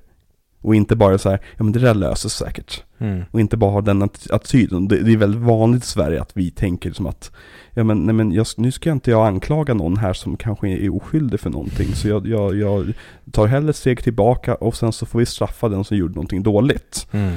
Istället för att förhindra en dålig situation. Vi har ju samma sak som med, ja men, ta då kri- kriminalvården, fångvården. Det är som att, att vi, vi har den här naiva tanken om att alla är goda. Och när det uppenbarligen finns personer där ute som har lämnat allt, allt vad som heter medmänsklighet bakom sig. Liksom, när man liksom våldtar och halvt mördar en liten flicka liksom, då kanske man aldrig mer bör släppas ut i samhället igen. Oavsett om, om man haft en tuff uppväxt faktiskt. Och haft dåligt med pengar. Så kanske en sån människa är så pass farlig att vi kanske bara borde ha den inspärrad resten av sitt liv. Nu tycker jag att du låter lite väl totalitär och lite väl mycket blåser de här nazivindarna i din röst. Mm. Men vi lever också i Kristerssons Sverige så. Ja just det, vi, eh, den eh, 12 eller vad blir 11 det? september. Ja men det blev inte klart 14. då. Ja precis, den 14 blev ju klart så nu lever vi i det nazistiska Sverige. Exakt, precis. Nej men skämt åsido, Mm. det, och jag håller med precis allt det du säger. Och en eh, väldigt, väldigt bra poäng som summerar också hela filmen, eller en väldigt bra line, det är när en av pojkarna är uppe i trädet Mm. och en av de svarta pojkarna skriker så här, hur jävla dum är du som ja. lånar ut din eh, mobil till en eh, svart kille liksom. Och det är verkligen det här, han, han tror verkligen på att han är offer för sin lott i livet. Mm. Att, nej, det är, jag kommer inte vara någonting annat. Så jag måste råna och stjäla och vara det här för att det är så han tror att samhället ser honom. Mm. Nej men, och det, jag tycker bara det här att de vet exakt vad de ska säga hela tiden. De här, de här pojkarna, svarta pojkarna. Mm. Hur de hela tiden ska liksom föra situationen framåt. De har gjort det här så många gånger. Mm. Och hela det här med som, vi har inte gjort något, vi har inte gjort något. Så fort liksom, de hamnar i någon form av trubbel liksom. Eh, och sen också den här ökända frågan som man aldrig vill få från ett, eh, från ett eh, nu ska jag säga ungdomsgäng, för svenska killar kan vara lika vidriga de, eh, när man är ute själv. Det är, jag ska bara fråga dig något. Ja, Det, det, det är en fråga du, all, du vill aldrig höra den, de orden om, om du är ute liksom, själv. Eller med vänner. mm. Det är, liksom, det, det, det är som att du får, du får telegraferat att du kommer få spö eller så kommer vi råna dig. Mm. Och det är som, jag, jag gick ju på Nyboda skola, jag har hört den frågan så många gånger kan jag säga. Och vi gick, jag gick i musikklass också, så vi var ju väldigt liksom villebrådet på den skolan. Easy target. Ja men alltså hur dumt, ja nej, jag tänker inte gå in på det. Eh, men eh, det, det, så fort de sa det till någon så här, vi ska bara fråga någonting, bara gick liksom kalla kårar i min rygg och som tusen, eller tusen, eh, tiotal minnen bara flashade i, när jag vart just i den situationen. Där jag vet att jag borde egentligen bara springa åt andra hållet just nu. Mm. Skit i att jag förolämpar dem ifall det skulle vara så att de ville fråga mig om tiden. För min egen säkerhet borde jag bara springa åt andra hållet. Det var väldigt kul om de hade med en sån scen i filmen. Mm. Någon som klarar sig. Mm. Som bara lägger benen på ryggen och faktiskt, de står kvar och bara, jaha, Mm. okej. Men för, vad ska de göra? Jag tror inte de här killarna är våldsamma alls. De är ju våldsamma i filmen. Fast, Sparkar ju fan sönder sin polare. ja, fast jag tror att det är en annan grej. Jag tror att det handlar om svek. Ja men de är är fortfarande våldsamma. Ja, jo okej, ja, men jag tror inte att de hade faktiskt brukat våld mot eh, pojkarna, om man säger så då. I slutändan. Nej, kanske inte, för då hade de faktiskt begått någonting mycket, mycket grövre än vad de faktiskt gör. Exakt, för de tänker fortfarande att vi gör ingenting fel här, det är ett offerlöst brott. Ja, och vilket är- skapar motivationen. Ja, och då är det ju inte play längre. Nej, exakt. Men deras kompis, där har ju han begått ett brott. Mm. Så ska ju han bli straffad för det. Nej, liksom, eh, kvasihederskulturen i liksom, unga killars gemenskapskretsar är så, otroligt spännande. Mhm. Det är... Men det finns ju också några scener i den här filmen är för mig peak svensk film någonsin. Mhm. Ta bara Anoj Noj Noj, alltså när Pippi Långstrump-scenen, Mm. när de ger sig på den här killen på bussen. Mm. Det. Den är verkligen, den föddes ju i gitarrmongot och sen blev det scenen med eh, han Roger, vad han hette, Ja, i precis. Mofrivilja och så blev det hon, en till kille i den här. Mm. Och hur de här pojkarna skådespelar. Mm. Ja, de är Det briljanta. är helt Men de spelar ju otroligt. liksom, okej nu vill jag inte måla fan på väggen, men de spelar ju antagligen en variation av sig själva. Liksom. Det är väldigt naturalistiskt. Ja men ändå, att Ja. få det att funka i en skådespelad scen där du, där du har ett narrativ där någonting ska ske Oh, ja. och få det att bli så här naturligt är för mig, det, det är det absolut bästa med Ruben Östlunds gärning hittills by miles tycker jag. Det är hur han kan få allting att kännas som att här finns det inget manus. Mm. Men han är så bra med barn och ungdomar. Mm. Alltså ta, ta bara tjejerna från Ofrivilliga. Hur otroligt duktiga de var på att spela sina roller. Mm. Och även nästa veckas film som vi inte får prata om finns också barnskådespelare som gör ett jävligt bra jobb. Liksom, jag tror att han, han, han har ett sätt att prata med barn för att få fram det här naturliga. För det är oftast det svåra med barnskådespelare. Att du måste, oftast är de så pass dåliga att du måste ge dem en roll där de nästan spelar en vuxen karaktär. Så att de har någonting att spela med. Mm. För barn är väldigt märkliga varelser. Åh, fy fan vad jag hatar att se barn regisseras som vuxna. Alltså jag kan bara ta hur i Obi-Wan nu, Ja. Leia, hur hon spelar, eller typ alla svenska filmer som görs nu för tiden. Och sen kan man kontra det med hur barn spelar i Astrid Lindgren-filmerna. Alltså Olle Hellbom skulle man ju vilja ha ett samtal med och fråga hur fan fick du de här barnen att leverera som du gjorde? Han hotade med Ronny. Vi ska lämna det. Ehm, Jag behöver inte säga någonting idag. Nej, du behöver inte säga någonting idag. Men, men typ Little, Little Miss Sunshine eller Ja. 500 Days of Summer. Liksom så här, barn som spelar typ så här 10 år äldre än vad de är för att de ska vara liksom lite precautious. Och det blir bara, det blir en trope som är så otroligt uttråkad. Det är en grej om det ska vara så i filmen. Mm. Men det jag stör mig på mest, det är ju när de typ måste göra det så. Det känns forcerat när det ska vara egentligen en barnroll. Ja. Så blir det som att de gör det till en lillgammal unge för att vi kan inte göra det på något annat sätt. Nej. Man vill ju ha ett barn som spelar ett barn. Och det är den, i alla fall min upplevelse, typ det svåraste. Mm, definitivt. Och det är det jag tycker Ruben lyckas väldigt med. Annars hade inte den här filmen lyckats för fem öre. För att Nej. det, det hade varit, det här, den här filmen skulle kunna bli ett sånt jävla haveri. Ja. Av liksom, inte bara liksom av barnskådespeleriet utan den hade kunnat bli kletig. Och den hade kunnat bli lite, kanske lite för förstående. För de, de, de som, alltså, tjuvarna. Mm. Att man kanske visar att de är slagna hemma och det, det är tufft när familjen går till socialen och de får träffa en tant där som inte förstår deras språk och liksom det, Man skulle kunna bygga på så mycket mer och göra det så mycket mer kladdigare. Men det räcker på den nivån det är verkligen för att få just den här balansen. Mm. Det tycker jag är jättebra. Ja, och tillbaka till bra filmskapande. Det är Mm. när du förstår saker utan att sakerna behöver nämnas. Mm. Att genom att vi får se filmer utspela sig, då Mm. lägger vi egna pusselbitar om vad som har skett innan filmen och vad som sker på sidan av filmen samtidigt. Exakt. Och jag tänkte bara i i den här filmen, alltså det som typ den här filmen hade kunnat göra för att göra den bättre för mig, Mm. det är om den hade gjorts typ med samma allvar som Requiem for a Dream. Mm. Tänkte att det nästan har blivit som en nästan som en, symfon, alltså en symfoni som ligger i bakgrunden hela tiden.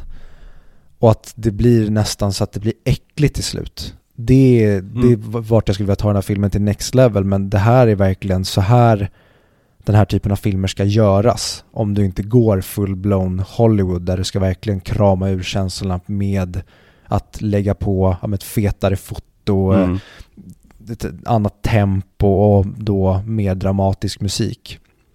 På tal om Requiem for a Dream.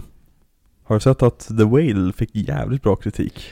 Det är väldigt kul nu att se hur hela filmvärlden verkar helt plötsligt eh, älska Brendan Fraser. Alltså, jag är jätteglad för hans skull. Jag håller på Mm. och kollar om Scrubs nu också, där han gör en underbar roll. Jättebra roll. Eh, och eh, vi ska inte säga någonting för att Nej. Becka ligger Mm. där inne och hon vet inte vad som sker. Nej. Men det som sker Mm. Är, Det är en, ett av, jättebra avsnitt. en av de blödigaste filmavsnitt, eller Det- serieavsnitten någonsin. Ja, jag håller med.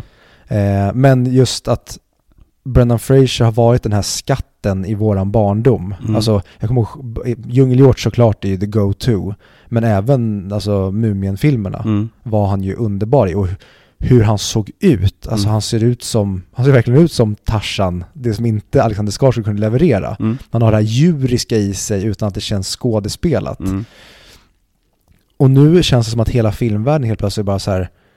Ah, men kom in då. Nu, nu, nu, du, det är som att han blir som ett husdjur och det äcklar mig lite. Han är den nya Keanu Reeves.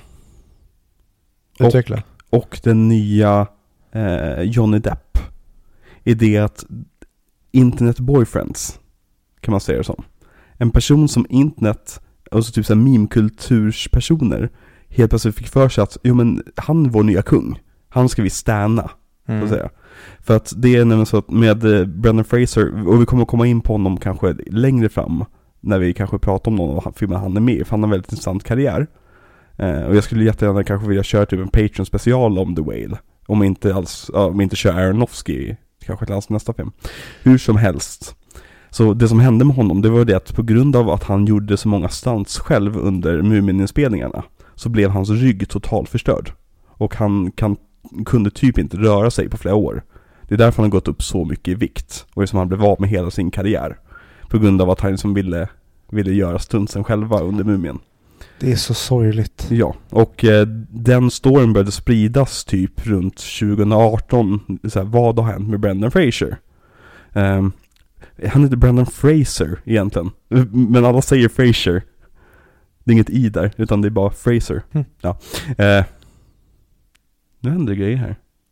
Eh, ja, eh, men eh, så det som, folk fick väldigt mycket sympati för honom redan innan. Typ såhär, vad hände med vår hjälte från barndomen? Mm. Och sen så skulle han vara med i Batgirl och spela skurken.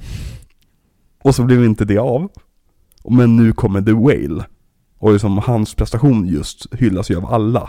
Och då blir det lite grann redemption för honom att, ja men du fick inte ditt nya stora break där, så du får ditt nya stora break här. Mm. Eh, så det fi- finns väldigt intressant liksom rörelse igång just runt hans karriär. Frågan om den håller i sig efter den eh, förmodade Oscarsvinsten då.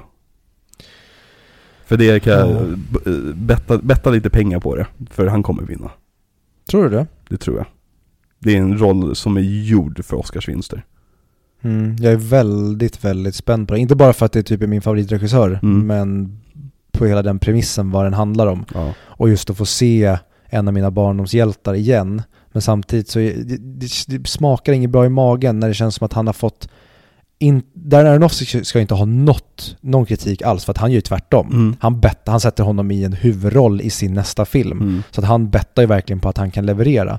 Men det känns som media Hollywood, Mm. de har verkligen så här, åh titta på den här trasiga, haltande byrackan. Det är lite lyteskomedi över det hela. Ja, det, och det får mig att känna så här, ni, ni vill han är ett offer. Hade han inte varit så här svag, säg att han har varit tillbaka och varit rippad och Mm. verkligen känt stark och inte känna som att vad fan har hänt med Brendan Fraser har, det går inte typ att se till samma person. Mm. Då hade de aldrig tagit tillbaka honom så här. Nej, jag vet. Utan det är att han känns trasig och kommer aldrig bli djungelhjorts igen. Ja, men som de här att- gråtande ögonen som Ja. man har sett hundra gånger. Och det här med, nu när vi ändå pratar om Venedig. Fan som låter. Nu när vi ändå pratar om Venedig. Det här med tävlandet om längsta stående ovationen som har typ börjat spridas nu. Att den här filmen fick så här lång stående ovation och den där filmen fick så där lång men den där filmen den fick bara en halv minut. Man här, vem fucking bryr sig om hur länge rika liksom, mediamänniskor står upp och applåderar till en film? Hur kan det ens vara ett, det är inte ett kvitto på någonting. Nej. Det är som folk, det brukar, alltså just på de här franska och, och italienska film, filmfestivalerna så brukar ju publiken snarare vara väldigt lättkränkta och brukar gå ut från, från liksom, det brukar bli en stor grej att typ halva publiken gick ut från filmen X liksom. Eh, och så ser man den, man typ såhär, ja för att ni inte har någon smak. Eh, för, ja, jag vet inte. Jag, jag har väldigt svårt för att ta, ta någon sån rap rapportering seriöst. Ja, och det, det är verkligen, det är, det är en icke-rapportering. Mm. För det säger ingenting om ingenting. Det är bara en så här, okej den kan max få plats på trivian på IMDB. Ja, ja men verkligen. Men även då så spelar det så här, det spelar ingen roll hur, stå, hur lång, länge folk applåderar till en film. Eller typ på Wikipedia-artikeln om mottagandet av en film så kan man nämna det att when it premiered at Cannes it received a standing ovation for three minutes.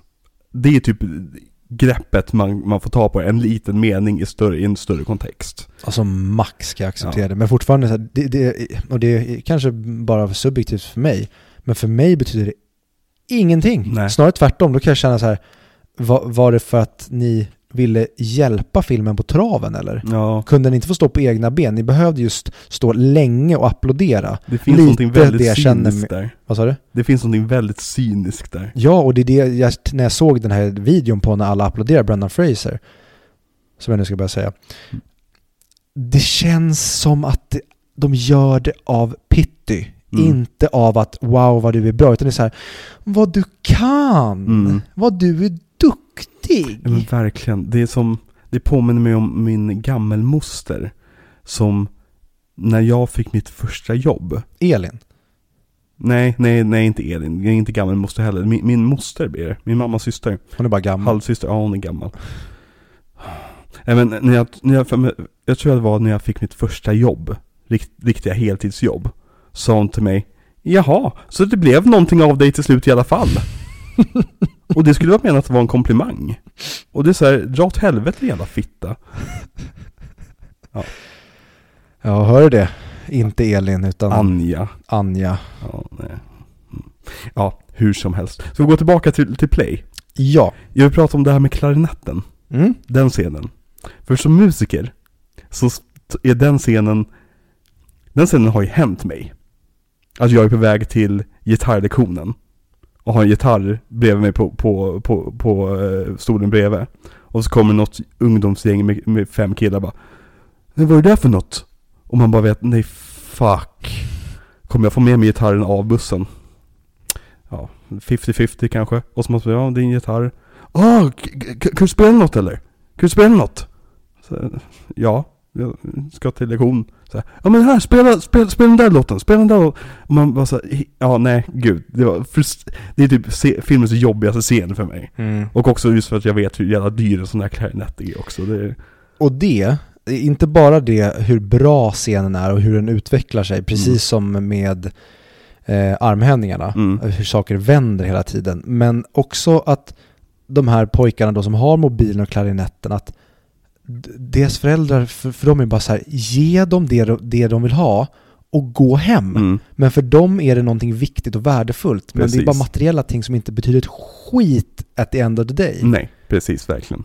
Det är som lämna klarinetten på bussen och spring Ja därifrån. precis, för då hade vi kunnat sluta filmen direkt. Exakt. Ja. Och jag blev väldigt glad av att se gamepåsen i början. Mm. Saknar game. Ja, det är bara att gå till Game finns det fortfarande? Eller EB Games heter det nu va? GameStop heter det. Ja men just alltså eh, hela estetiken Ja, med det här game. lila märket och den vita texten game. Minns du att vi försökte scamma Game? För, de Scam- hade, Scammade sönder game. för de hade ju en, en prisgaranti. Ja. Och så sa de det, om ni kan bevisa att ett annat ställe har billigare priser än vad vi har, så, så matchar vi priset. Okej, tänkte vi. Gick in, tog en screenshot på webbhallen, har för mig det måste ha varit. Ja där vi, vi egentligen, eh, Ginsa vet att jag använder mycket. Ja, mm, precis. Gick in och sen mm, fotoredigerade vi helt enkelt så att priset var lägre. Vi, vi bara så här markerade hela eh, sidan, Mm. klistrade in ett Word-dokument och så bytte vi bara ut eh, priset. Ja. Så att, och sen printade man ut den. Och vi såg ju till att inte göra det för lågt såklart. Ja, I, ja, men- alltså, I rimlighetens gränser. Liksom. Exakt, som spelet kanske kostade 499 då kanske man drog ner det till, 400. ja men precis. Mm.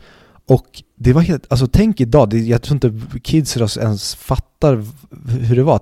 Tänk att i en butik som Game, Mm. då hade de inte internet i datorerna. Mm, de precis. hade bara kassasystem. Exakt, så vi gick dit med våra printouts, typ hej, de här säljer det här spelet för det här priset. Okej, jättebra, då får ni köpa för det priset. Ja. Mm, och så var det också det här, du hade ju rullians på det. Mm. Alltså att du, du gick dit och köpte ett spel, och sen så spelade vi ut det på helgen. Eftersom Game då hade typ fem dagars öppet köp, även om du hade brutit förpackningen. Så gick vi sen tillbaka och lämnade tillbaka spelet, hämtade ut ett Mhm. nytt spel som vi spelade i fem dagar, lämnade in det. Men jag för mig att de, de, ja, du fick inte fortsätta någon gång, eller så hade du missat fönstret eller vad fan det var. Mm, jag tror garanterat att jag missade flera gånger. Ja. Men då var det så här, "Ah, ja, jag har vunnit och sparat så mycket på det här. Men, Van Helsing-spelet var ett sånt, Mm. minns jag. Det var kul. och jag vet att jag köpte det igen sen. Ja. Ehm, Men då tror jag bara att jag köpte det för att det var typ beggat och billigt. Ja, och vi, vi, vi ville spela det igen antagligen. Mm. Det var ett väldigt roligt spel där och då. För den hade ro, så roliga grejer att du kunde tappa hatten och... Exakt. Den här konversationen har vi redan haft i podden. Har vi det? Ja, jag tror det är avsnitt två eller tre. Ja, någon gång borde vi se om Van Helsing. Ja, Van Helsing, det är en riktig det är mellanaktfilm. Mm. Fast det skulle vara kul att köra regissören. Det är ju Steven Sommers har jag för mig. Vad har han gjort? Mumien Mhm. Och de filmerna. Åh fan. Så det, är, det finns någonting där. Det skulle vara en kul miniserie. Det är typ åtta filmer kanske. Ja. Allting är skit. Fast på ett roligt sätt. Rolig skit. Ja, ja men barn, barndomskul. Barndomsskit. Mm. Lättförlåtlig skit. Eh, men jag tänker, vad mer kan man prata om då? Alltså det, det är väldigt mycket... Jag, jag tänkte väldigt mycket på kampen mellan de ofrivilliga och den här. Mm. För att jag sätter nog nästan samma betyg på dem. Och jag skulle nog säga att de ofrivilliga har nog högre toppar. Mm. Och det är svårt att jämföra för att den ena filmen har ett tydligt narrativ men den andra är en serie av kortfilmer. Men jag tycker att de gör det de gör typ precis lika bra. Mm. Men jag tror nästan att den här landar över för mig för att jag gillar att den har ett narrativ. Det här är en film med ett början och Mm. ett slut. Och det tycker jag väldigt mycket om med den här. Jag, generellt sett så tycker jag att ofrivilliga är bättre. Just för att den brände så jävla hårt när den brände.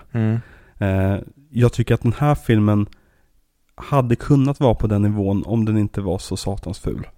jag, har, jag, har, jag har så mycket problem med, med, eh, med eh, kamera, kamerakvaliteten. Mhm. Eh, även, även fast det börjar bli bättre, så att säga. Ja. Och även fast han nu faktiskt regisserar scener och inte bara låter kameran stå. Visserligen gör han det fortfarande mycket, men han har börjat regissera mer i som hur saker och ting kommer in i bild och hur, hur de kommer ur bilden och så vidare. Mm. Eh, så man märker ju hur Ruben utvecklas som filmskapare med varje film han gör. Vilket är väldigt intressant att se, för det har aldrig varit lika tydligt tycker jag. Även när vi pratar om Paul Thomas Anderson och Baz Luhrmann så är det lite som att man, det finns antingen en väldigt jämn kurva eller som en väldigt hoppig kurva. Att åh, nu råkar han göra ett mästerverk här. Men så här ser jag verkligen så här, jaha, nu har han börjat tänka på det där.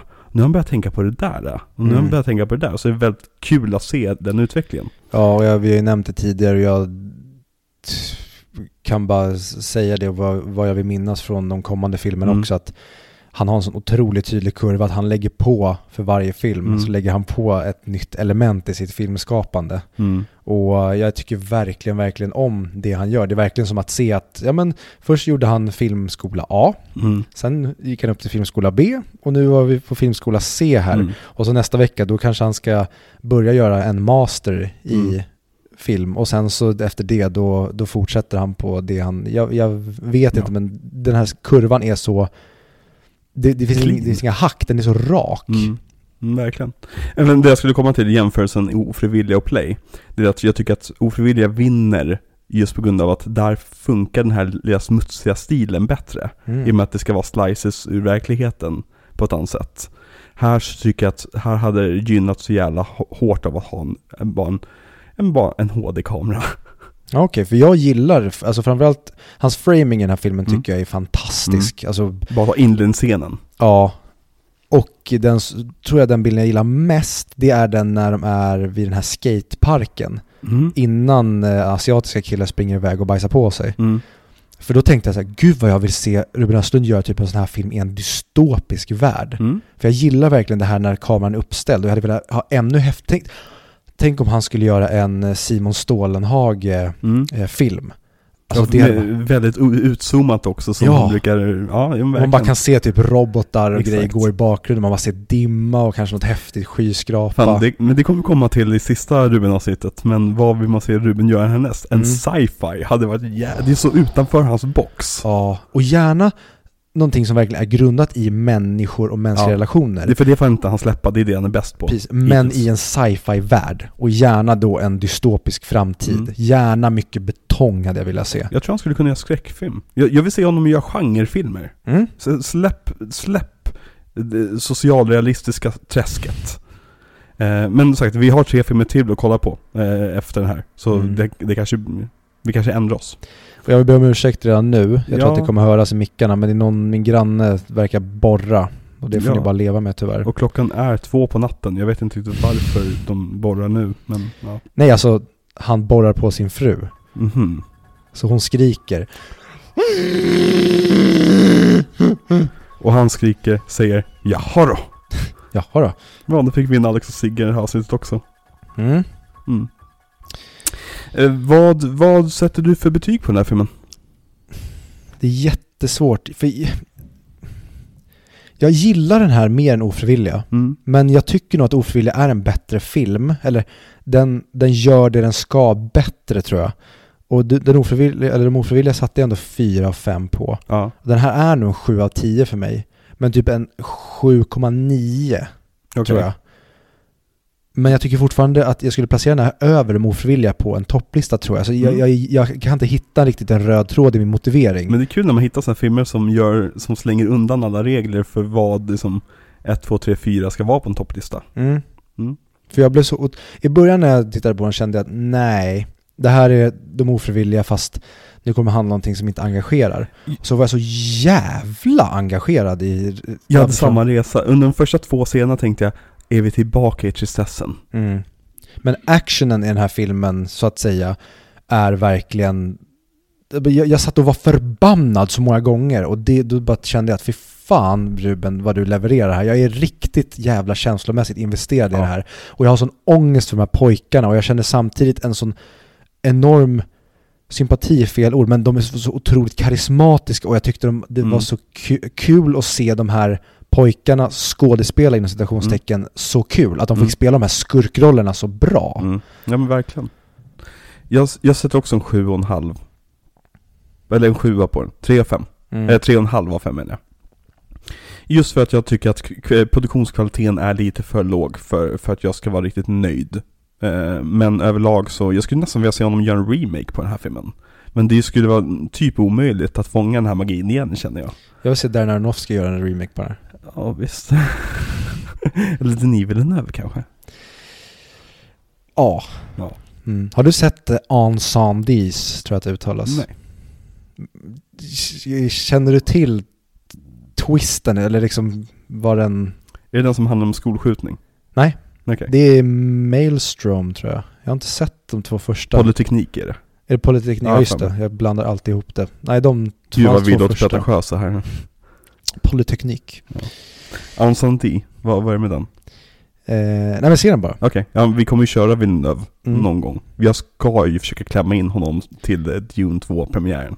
Det måste vi typ göra. Jag ska, alltså vi har ett utrymme i schemat efter, och här kan vi blipa namnet men vi har mycket utrymme efter det. Men det, Eh. vi har typ avslöjat det redan. För vi har ju sagt att vi nu kommer tajma många. Vi Jo men pratat- det är lika bra att vi försöker hålla det lite hem- hemligt. Det kanske är kul. Okej. Eh, så vi, kom, jag ska försöka, vi ska försöka klämma in Denis Villeneuve någon gång. Jag, jag kräver att vi gör det. ja men alltså sagt, Alltså vi, inför Du- Dune 2 för också att jag vill prata om Dune 1 inför Dune 2 Mm. och göra som dubbelavsnitt av det. mm, ja men det, det borde gå att få till. Det borde, alltså sagt, jag, jag ser inga, inga hinder för det. Men eh, vem vet vad, vad filmvärlden slänger för wrenches i maskineriet, så att säga. Eh, men eh, ja, det, det, Denis Villeneuve-miniserie kommer, kommer ske. Mhm. Mhm. Vad skulle du säga är filmens MVP? Alla pojkarna. Ja, men du måste välja en. Nu blir den här rasistiska gubben, jag blandar ihop alla svarta tänkte jag säga. Jag skulle säga The Good Cop, så att säga. Ja, för Jag- han, hans resa är så jävla chockerande. Mm. Hur han först är the good cop, sen är han den sjukaste av dem alla Mm. visar det sig. Så ja, absolut. Han är väldigt bra skådis också. Ja, och får en jävlar. verkligen sympatisera med karaktären. Mhm. Nej men jätte, jättebra. Och en scen också som är väldigt, väldigt bra och realistisk, det är när Mm. kontrollanterna kommer. Ja, och också den här svenska flatheten. Mm. De, inte ens, de frågar inte ens barnen vad felet är, utan Mm. nu får vi en, en, ett tillfälle att växa upp några unga här liksom. Mm. Ja, nej. Verkligen. Ja. Och någon gång kan jag berätta om eh, när jag, jag har en eh, en kul och pinsam story om när jag hamnade i klaveret med eh, kontrollanter för Mhm. ett par år sedan. Berätta. Den kan vi ta på Patreon någon gång. Gick det så illa? Eh, det slutade med att jag åkte poliseskort. Jaha, oj. Men Viktor då? Men det, åh, det, alltså hela den händelsen. Ja. Fan, jag kan dra den. Ja men dra en... det, det är en Ruben Östlundsk grej. Okej, kör. Jag lägger på lite musik här. Det var sommar. Året var kanske 2018, så det är inte så länge sedan. Det kan ha varit 2017 också. Jag trodde det här var något som hände när du var typ 12. Nej, nej, nej, nej. Okej. Det, här är, det här är en vuxen grej Ja, som... precis, det här är ju bara något år sedan. Det är ju strax innan pandemin. Ja, ja, men jag skulle gissa på att det är 2017 eller 2018. Var, no, det, var Donald Trump president? nej, det var han väl inte? Jo, det måste han måste det ha ha varit innan 2016 då i så fall. Ja, men då var han ju president. Ja, det måste... Ja, nej, ja, han var president. Okej. ja. Ehm, det var sommar. Jag hade jeansshorts och tofflor på mig. Det var en morgon. Klockan var kanske 9.30. Jag var Mhm. på väg in till jobbet. Något år tidigare så var jag för gammal redan då för att åka på eh, ungdomsbiljetter Mm. när jag åkte buss. Men jag gjorde det ändå. Och åkte då fast och fick böta. Mm. Och jag blev så förbannad då vid det tillfället för jag tyckte att eh, kontrollanterna var så osympatiska att jag lovade mig själv att nästa gång det här händer, Mhm. då springer du. Och den här principen var bara någonting som mm, stannade kvar i mitt huvud. Mm. Och så, det var nästan som att så här, jag vill nästan att det ska hända igen. Mm. Och idag så betalar jag för mig, jag har lärt mig av mitt, mitt misstag. Men då den här sommarmorgonen så åkte jag också på en ungdomsbiljett. Mm. Och mellan två stationer strax efter jag kliver på bussen så är det typ kanske 300 meter. Mm.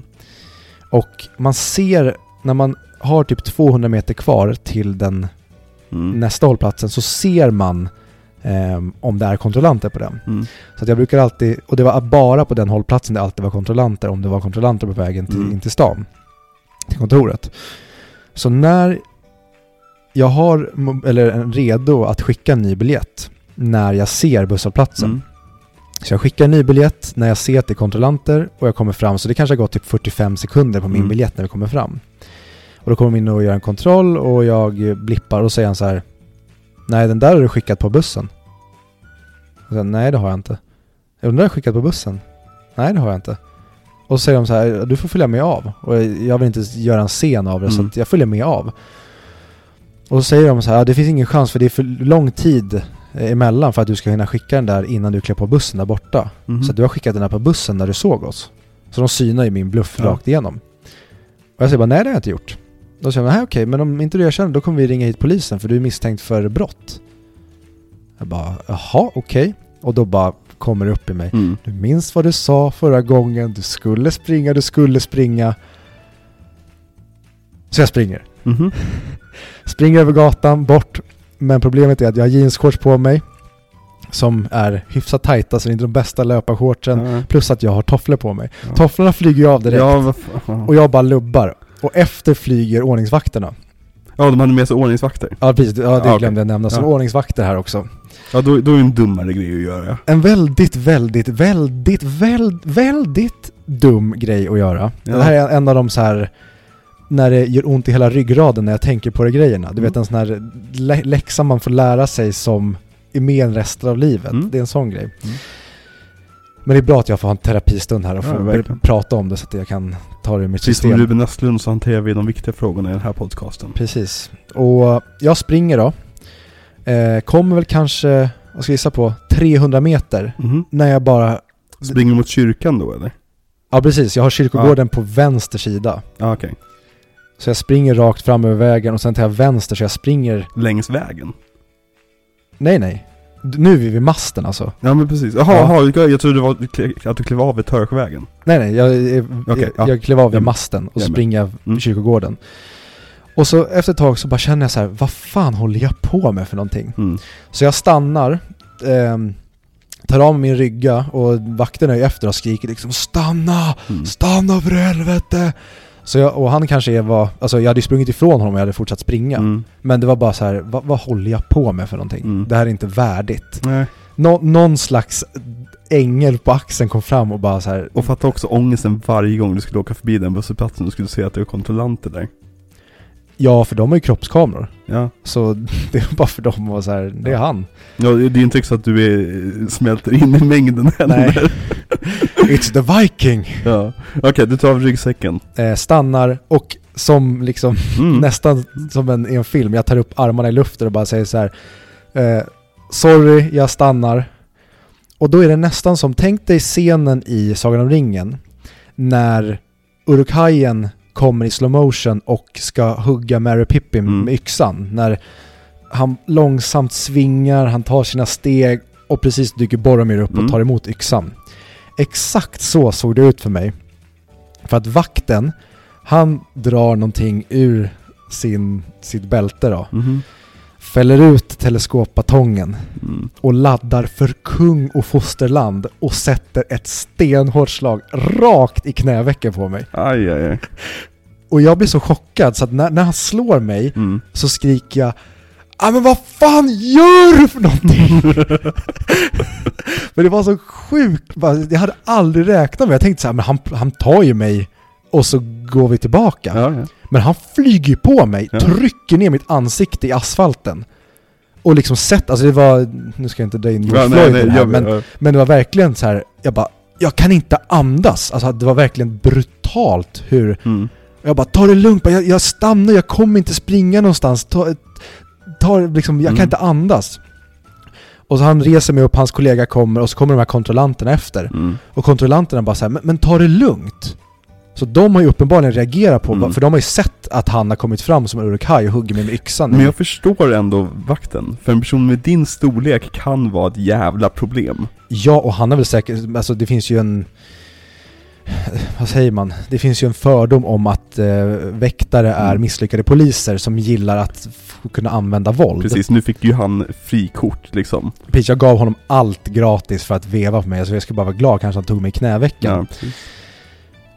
Men de här kontrollanterna är ju verkligen så här: wow, eh, ta det lugnt Mm. nu.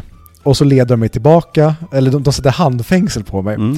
bakom ryggen, leder mig tillbaka, sätter mig vid ett träd och ringer polisen. Mm.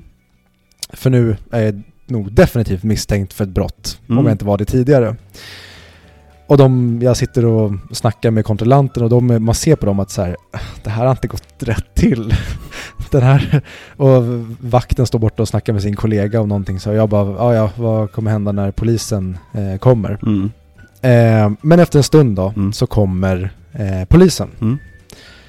Och polisen frågar vad som har hänt. De eh, sätter mig i eh, deras bil i baksätet och så pratar de med de som har varit där. Och sen så kommer de in till mig och sätter, eller nej just det, när jag sitter kvar vid trädet då kollar de igenom min ryggsäck. Mm. Och i min ryggsäck så hittar de Mm. Och då frågar de mig så här, jaha, vad är, vad är det här för något då? Och då har jag sagt, nej men eh, det där har jag till för att, eh, ja, det man brukar ursäkta sig med. Mm. Och då säger de bara, nej, det har man inte. Ehm, så att jag tänker att, jaha, nu Mm. kommer de ta med mig till stationen och det kommer inte sluta bra det här för mig. Mhm. Men de sätter mig i bilen efter det och pratar med då kontrollanterna och väktarna och får storyn om vad som har hänt. Sen kommer de in och sätter sig i bilen med mig och tar mina uppgifter och jag berättar vad som har hänt. Mm. Och när jag berättar då hur han slog mig i knävecken Mm. så är det nästan som filmiskt att båda bara vän, vän, vad, vad sa du? Jag bara, ja han slog mig i knävecken med batongen, tryckte ner mig i asfalten och handfängslade mig. De Mm. bara, skojar du nu? Jag bara, nej. De bara, aha, okej. Så går de ut och snackar med dem igen Mm. och ser så här att stämningen där ute har förändrats helt. Så kommer de in och sätter sig igen och bara ehm, du borde nog anmäla honom för övervåld. Ja, det. Och då har hela scenen förändrats. Mm. Och då har jag bara gått in i att så här, eh, vadå övervåld? Ska inte jag få en prick i registret här och många saker massa år framöver kommer Mm. vara fakt för mig. Men de helt plötsligt är helt och hållet min sida och bara nej men vi tycker att du borde anmäla honom för övervåld. Mm. Och jag bara nej, jag, jag, vill, jag vill bara härifrån nu. Mm. Jag, vill- jag vill inte vara med om det här. Så det det slutar med då är att jag får en bot bara. Mm. Ingenting mer händer. Nej. Och poliserna erbjuder mig skjuts till jobbet. Mm. Där de i bilen förklarar för mig att så här, eh, det där du hade i väskan Mm. är så jävla onödigt. För att egentligen borde vi göra någonting med dig nu. Mm. Men vi vet vilka onödiga konsekvenser det här har. Så att vi gör inte det för dig för efter du har, hur du har blivit behandlad. Mhm. Men tänk bara på det framöver, för det är så jävla onödigt. Så att på grund av hur vakten behandlade mig Mm. så klarade jag mig ur, Alltihopa. ja, Ja. För att egentligen det enda, det enda polisen var ditkallad för, det är egentligen att, att ge auktoritet till väktarna. Som säger att ge mig ditt personnummer nu. Polisen, alltså du har inte brutit mot någon lag. Du kommer inte bli lagförd för att du, du plankade bussen. Jo men de pratar om att jag hade begått bedrägeri. Ja, nej men det är ju någonting de säger för att få det att låta allvarligare. Ja, och det märkte man ju på polisen när de kom, att de undrade vad fan gör vi här? Ja, exakt. Nej men precis. Nej men po- polisen, om jag har förstått det här rätt, alltså jag kan ju såklart ha missförstått någonting, men polisen tillkallas ju bara egentligen för att liksom ge allvar till situationen så att folk faktiskt lyder och ger uppgifterna. Mm. Det är som det enda, de kan inte göra något. De, alltså, hade inte händelse nummer två hänt här där så hade du varit helt liksom scot free. 2015 var det här, Mm, kom jag på nu. ja. Det låter mer logiskt. Mm. Så det är ändå, för mig är det som att det hände förra Mm. sommaren i mitt att. Ett tag så gick ju kontrollanterna runt utan väktare. Och då var jag inte bara gå rakt förbi dem. Mm. Det gjorde jag, jag körde ju också den, att jag körde på ungdomsbiljett. Och varje gång jag såg kontrollanter bara gick jag rakt förbi dem. Mm. Som hej hej. Så, nej men, vi ska kontro- kontrollera din biljett. Ja, ja, hej då. Och det lärde mig ju efter, Mm. att det var ju bara egentligen att göra så. Väktarna hade kunnat stanna mig, Precis, det, är det, om väktarna med är lite mer problematiskt, för väktarna får ta tag i dig. ja, Och, och tvinga dig i textet att, att ge upp dina uppgifter. Medan en kontrollant, där har ju du vunnit om någon tar tag i dig. Då har ju du en stämningsansökan på, på dina händer, där du kan få ut bra med cash. mm. Så var det förr i tiden i alla fall. Jag minns inte, vet inte hur det är idag. Oavsett, vilken spännande och intressant historia Viktor. Mm, en av många, många extremt kloka saker jag gjort i mitt liv. Ja, verkligen. Ja, det är lite dumt att kubba ifrån dem. Men alltså, man får ju bara... Alltså, jag... Jag har inte varit Guds bästa barn. Ska, ska folk veta, liksom. Och ni som känner mig vet vad, vad jag vad jag syftar på, vad, vad, vad, ja allting i mitt liv här. Ehm, men jag känner också så att när man väl har åkt fast då får man ju fan ta det, den grejen. Mm. Alltså bara som såhär, nu har jag tabbat mig. Och nu har jag åkt fast. Och nu får jag helt enkelt bära, bära det i huvudet liksom. Mm. Ja, och det är, är någonting jag fått lära mig många, många gånger. Det, eller fr- framförallt när, när jag var ung då, då var det nästan som att så här, nu skiter vi i det här och går vidare. Mm. Men ju äldre man blev så insåg man ju att nej men den här läxan ska du ju in, sätta in i ditt DNA. Den ska Ja. in i din ryggrad så att du aldrig hamnar där igen. Och det är väl det som är att kanske bli vuxen någon gång. Exakt. Jag hade ju en kompis som, han är död nu, han dog i en överdos. Så vi kan prata om, om, Oj. om, om, om, om honom hur mycket vi vill. Eh, men han höll ju på väldigt mycket med, liksom, han, han, han sålde hasch. Eh, och han var också, han åkt, hade åkt fast så många gånger att han var känd hos polisen. Så de liksom, när de såg honom ute, då tog de honom och kontrollerade honom. Men han var dum i huvudet nog att varje gång skulle han bråka med polisen och streta emot och slåss och grejer. Så hans straff blev alltid värre än det som, om han hade bara, bara gett dem de bitarna han hade på sig så att säga. Mm. Då har han, i i och med att han var känd från polisen också, så hade de antagligen bara, ja men sköt dig liksom, släppt iväg honom kanske till och med. Mm. Men nu ska han hålla på och bråka och brottas med polisen liksom, var, typ en gång i veckan. Och liksom, måste man åka in och hämta ut honom ur häktet liksom. Ja, nej, det är kaosig kille. Usch då. Ja, så kan livet gå också. Mm. Barn, ni som lyssnar på detta, håll er borta från amfetamin och fentanyl. Det är inga bra grejer. Jag tror inte att det är det. Nej, det är inte det.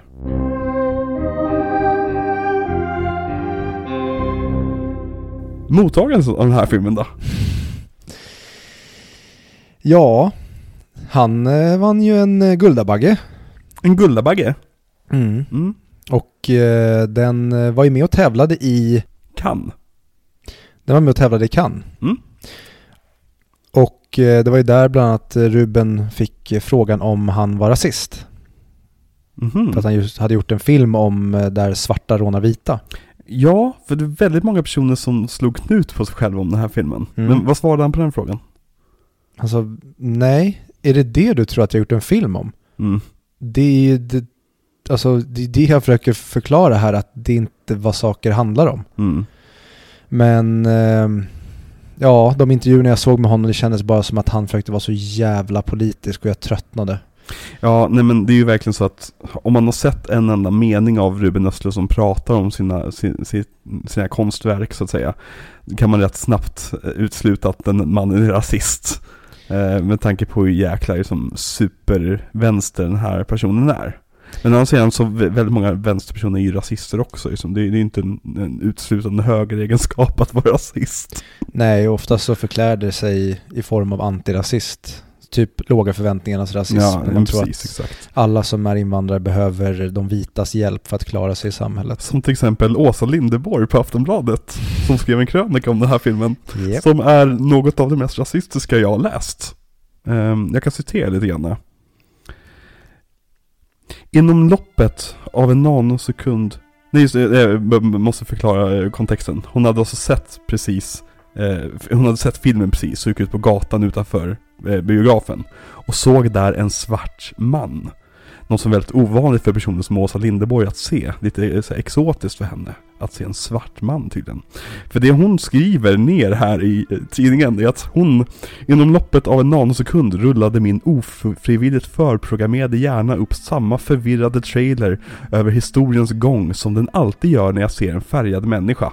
Slavskepp, Tintin i Kongo, bomullsplantage, Rwanda, ANC, Muhammad Ali, Cosby-familjen, I have a dream, negerbollar, Malcolm X, barn med flugor i ansiktet, Obama, AIDS, Idi Amin. En förortsmobb som stjäl telefoner.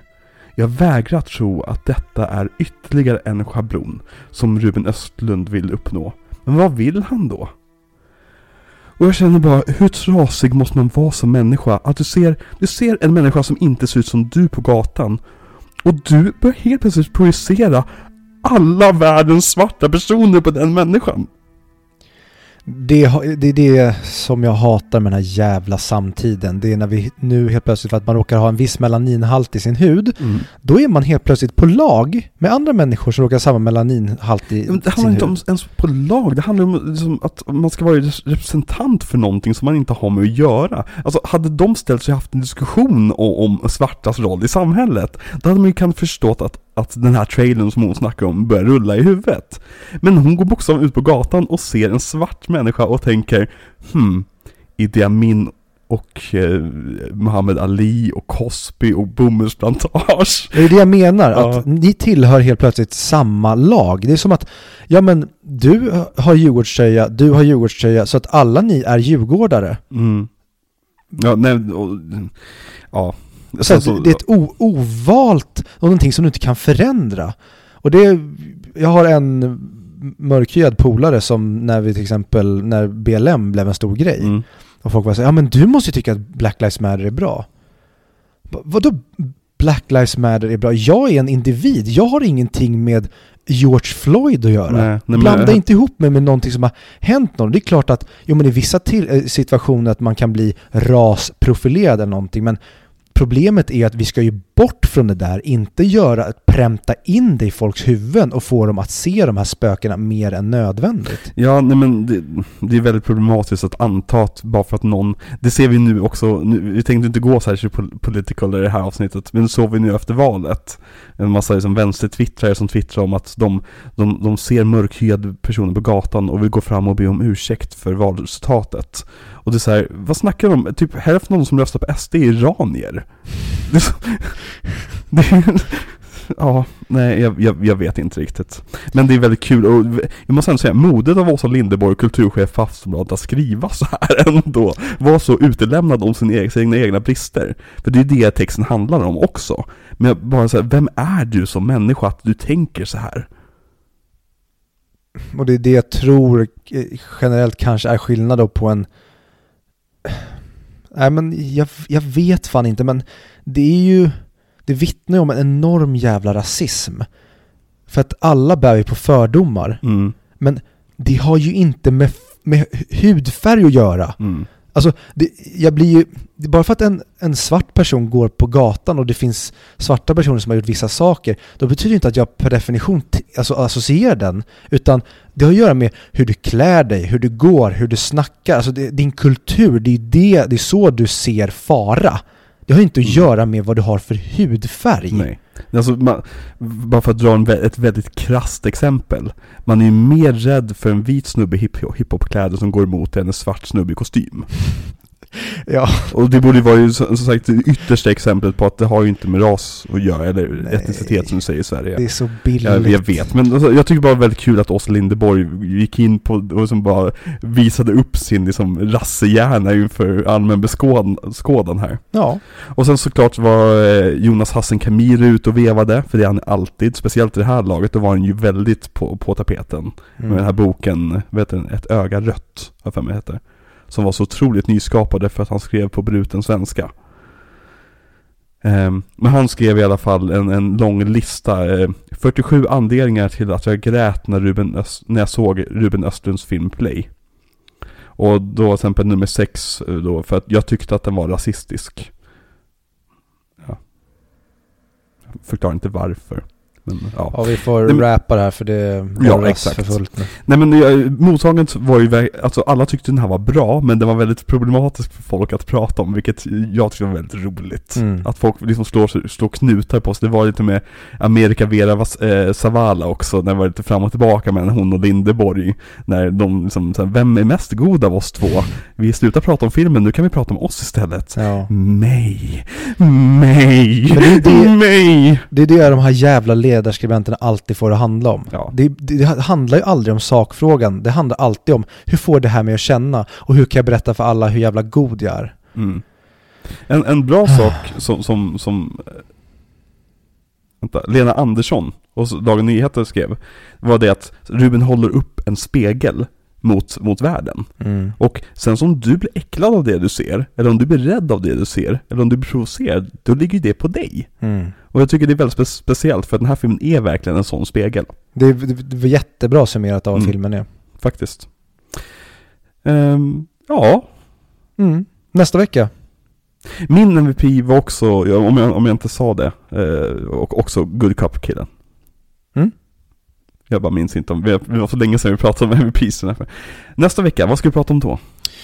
Force majeure.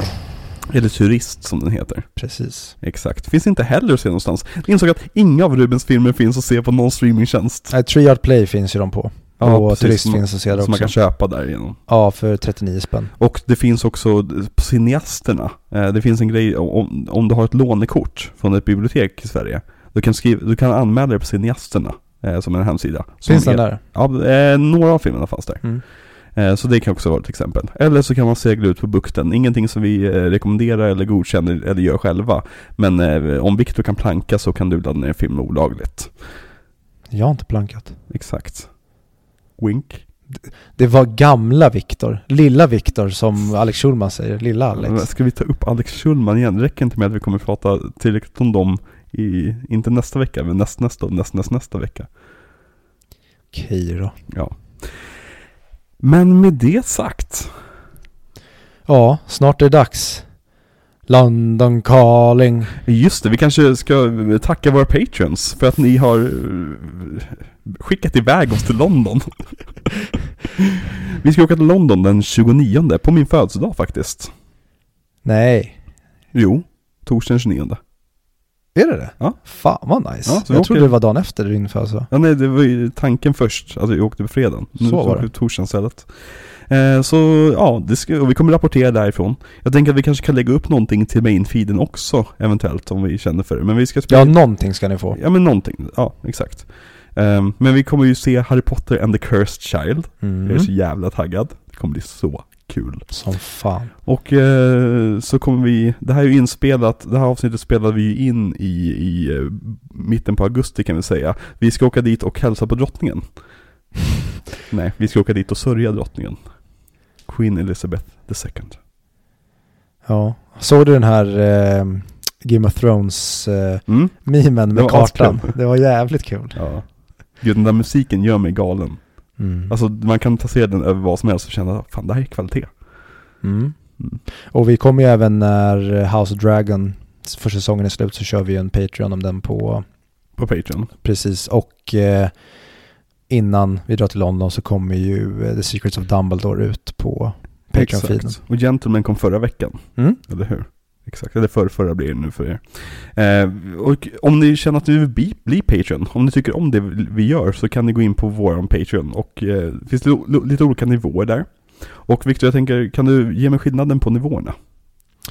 Ehm, för 25 kronor i månaden Mm. Då är du bara en underbar, gullig, jättefin människa som eh, stödjer och du får ta del av allt Patreon-material. Mm. Du får tillgång till en helt, helt ny feed med podcastavsnitt egentligen. Där Mm. vi försöker lägga upp relativt regelbundet. Eh, det blir lite grann när som. Vi, det kommer bli mer nu under hösten, för det har varit en jävligt risig biosommar. Men Ja. vi har ju som regel att när vi går och ser en ny film, du och jag, då Mm. kör vi ett Patreon special och lägger upp. Precis. Det har varit dåligt med det, men nu kommer det komma många intressanta filmer där. Och vi ska ju även köra en eh, special om Don't You Worry, Don't, Worry Darling. Exakt, när den väl kommer. Ja, det är snart dags. Exakt. den kommer den 23 tror jag. Ja, nice. Mm. Så det kommer då, det får du då för 25 kronor i månaden. Mm. Vilka fler nivåer har vi? Och för 50, då Mm. får du även en shoutout här i podden. Mm. Och så är du en ännu mer underbar människa. Men går du upp till 100 Nej, kronor. nej, nej. 50 kronor för en till sak också. Varför då? då? De får avsnittet tidigt. Mhm. På 50 kronors nivån då får du avsnittet åtminstone en dag tidigt. Vi, vi har lite grann, vi har lekt lite grann med det jag släppt. eh, DVD-kommentaren om Cats släppte vi på en fredag. För att det ska vara till fredagsfilmen och sånt där. Eh, Så är det 50 kronors Patreon så kan det droppa nya avsnitt egentligen när som helst där. Mm. Ja, jag tycker vi ska försöka släppa dem egentligen så, så snabbt vi kan där. Ja, men det är Så man får ännu så fort det är färdigklippt och, och redo liksom.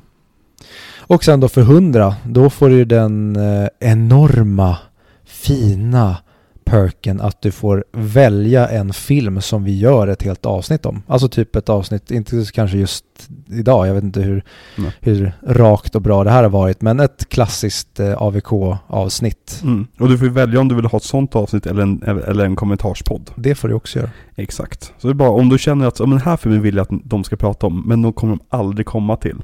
Nu har vi väldigt sporad, alltså vi har väldigt, väldigt spridda skurar på vilka filmer vi pratar om, så allting är möjligt i den här podden. Mm. Men om du känner att, ja men jag vet att de ska prata om den där filmen, då eh, blir 100 kronors Patreon en månad, så får du det önskemålet. Mm. Eh, som tack för ditt, ditt stöd till den här podden. Ja, och sen finns det en 500 kronors nivå och en 1000 kronors nivå och jag tror att det är 500 kronors nivån då får du beställa, bestämma en hel miniserie. va? Eller så var det för 500, jag kommer fan inte ihåg längre, jag är så jävla trött i huvudet. Eh, för 500 tror jag beställer man en film på Ja main-feeden. precis, en och mellannakt. för 1000 så för får... att beställa en miniserie. Precis så var det nog. Exakt. Ja. Kan Så någon är galen i huvudet och har jättemycket pengar över efter att ha sålt av sina bitcoins innan, innan dippen kom. Så eh, skänk dem till oss så kan vi göra roliga saker för dem och du får en hel miniserie som tack för. Det hade varit så jävla kul om någon annan tvingar oss till någonting som vi typ hatar. Och nu tror jag nog inte att någon någonsin kommer ge oss tusen spänn i månaden. Men jag tycker vi kan sätta en liten, liten caveat på att den får inte vara för lång. Alltså vi tänker inte, eh, ger du oss liksom någon så här typ 40-talsregissör som gjorde en film i månaden. Då, då kommer vi be dig om att välja kanske ett annat val. Eller så blir det att någon kommer in med tusen spänn och hijackar podden och så är vi bara slavar under någon annan. Det hade varit väldigt kul. Ja, i Vi- flera år. Vi borde typ göra en nivå där vi för typ 10 000 Mhm. då får du välja vilken regissör som helst och då kommer ju någon sjuk jävel komma in säkert och bara Nej, vi kör den här regissören som har gjort typ 100 filmer, typ Bergman, 50 filmer. Vi kan också göra så här, eh, bara för att göra det än, ännu roligare. Det här lovar jag nu. Som tus, tusen kronors Patreon så kommer vi hem till dig och se en film med dig. Vem fan vill det? ja men exakt. Det kanske är creepy för er, men det är creepy för oss också. Ja, lite. Men vi vill också tacka våra vanliga lyssnare som, som eh, laddar ner och lyssnar våra avsnitt varje vecka. Och om ni vill stötta podden utan att ge oss eh, fysiska pengar, eller ja, nu fysiska pengar då, det är som det är på nätet. Eh, så kan ni ju likea våra inlägg och sprida våra inlägg på sociala medier och även subscriba i era olika eh, podcastspelare. Mm. Och även gå in och ratea podden, eh, ge oss fem stjärnor så får ni skriva exakt vad ni vill om oss. Eh, ni får skriva att Viktor och Ronny Svensson bör gifta sig, om det skulle vara så. Ni, om ni ger oss fem stjär- stjärnor får ni säga exakt vad ni vill. Jag godkänner det. Så, då har vi ju bara London som väntar. Det har vi. London calling. Ja. Eh, hur avslutar vi det här då? Vi har inte gjort något! Eller eh, ska du sjunga Pippi Långstrump? För Pippi Långstrump är med i den här filmen. Ja.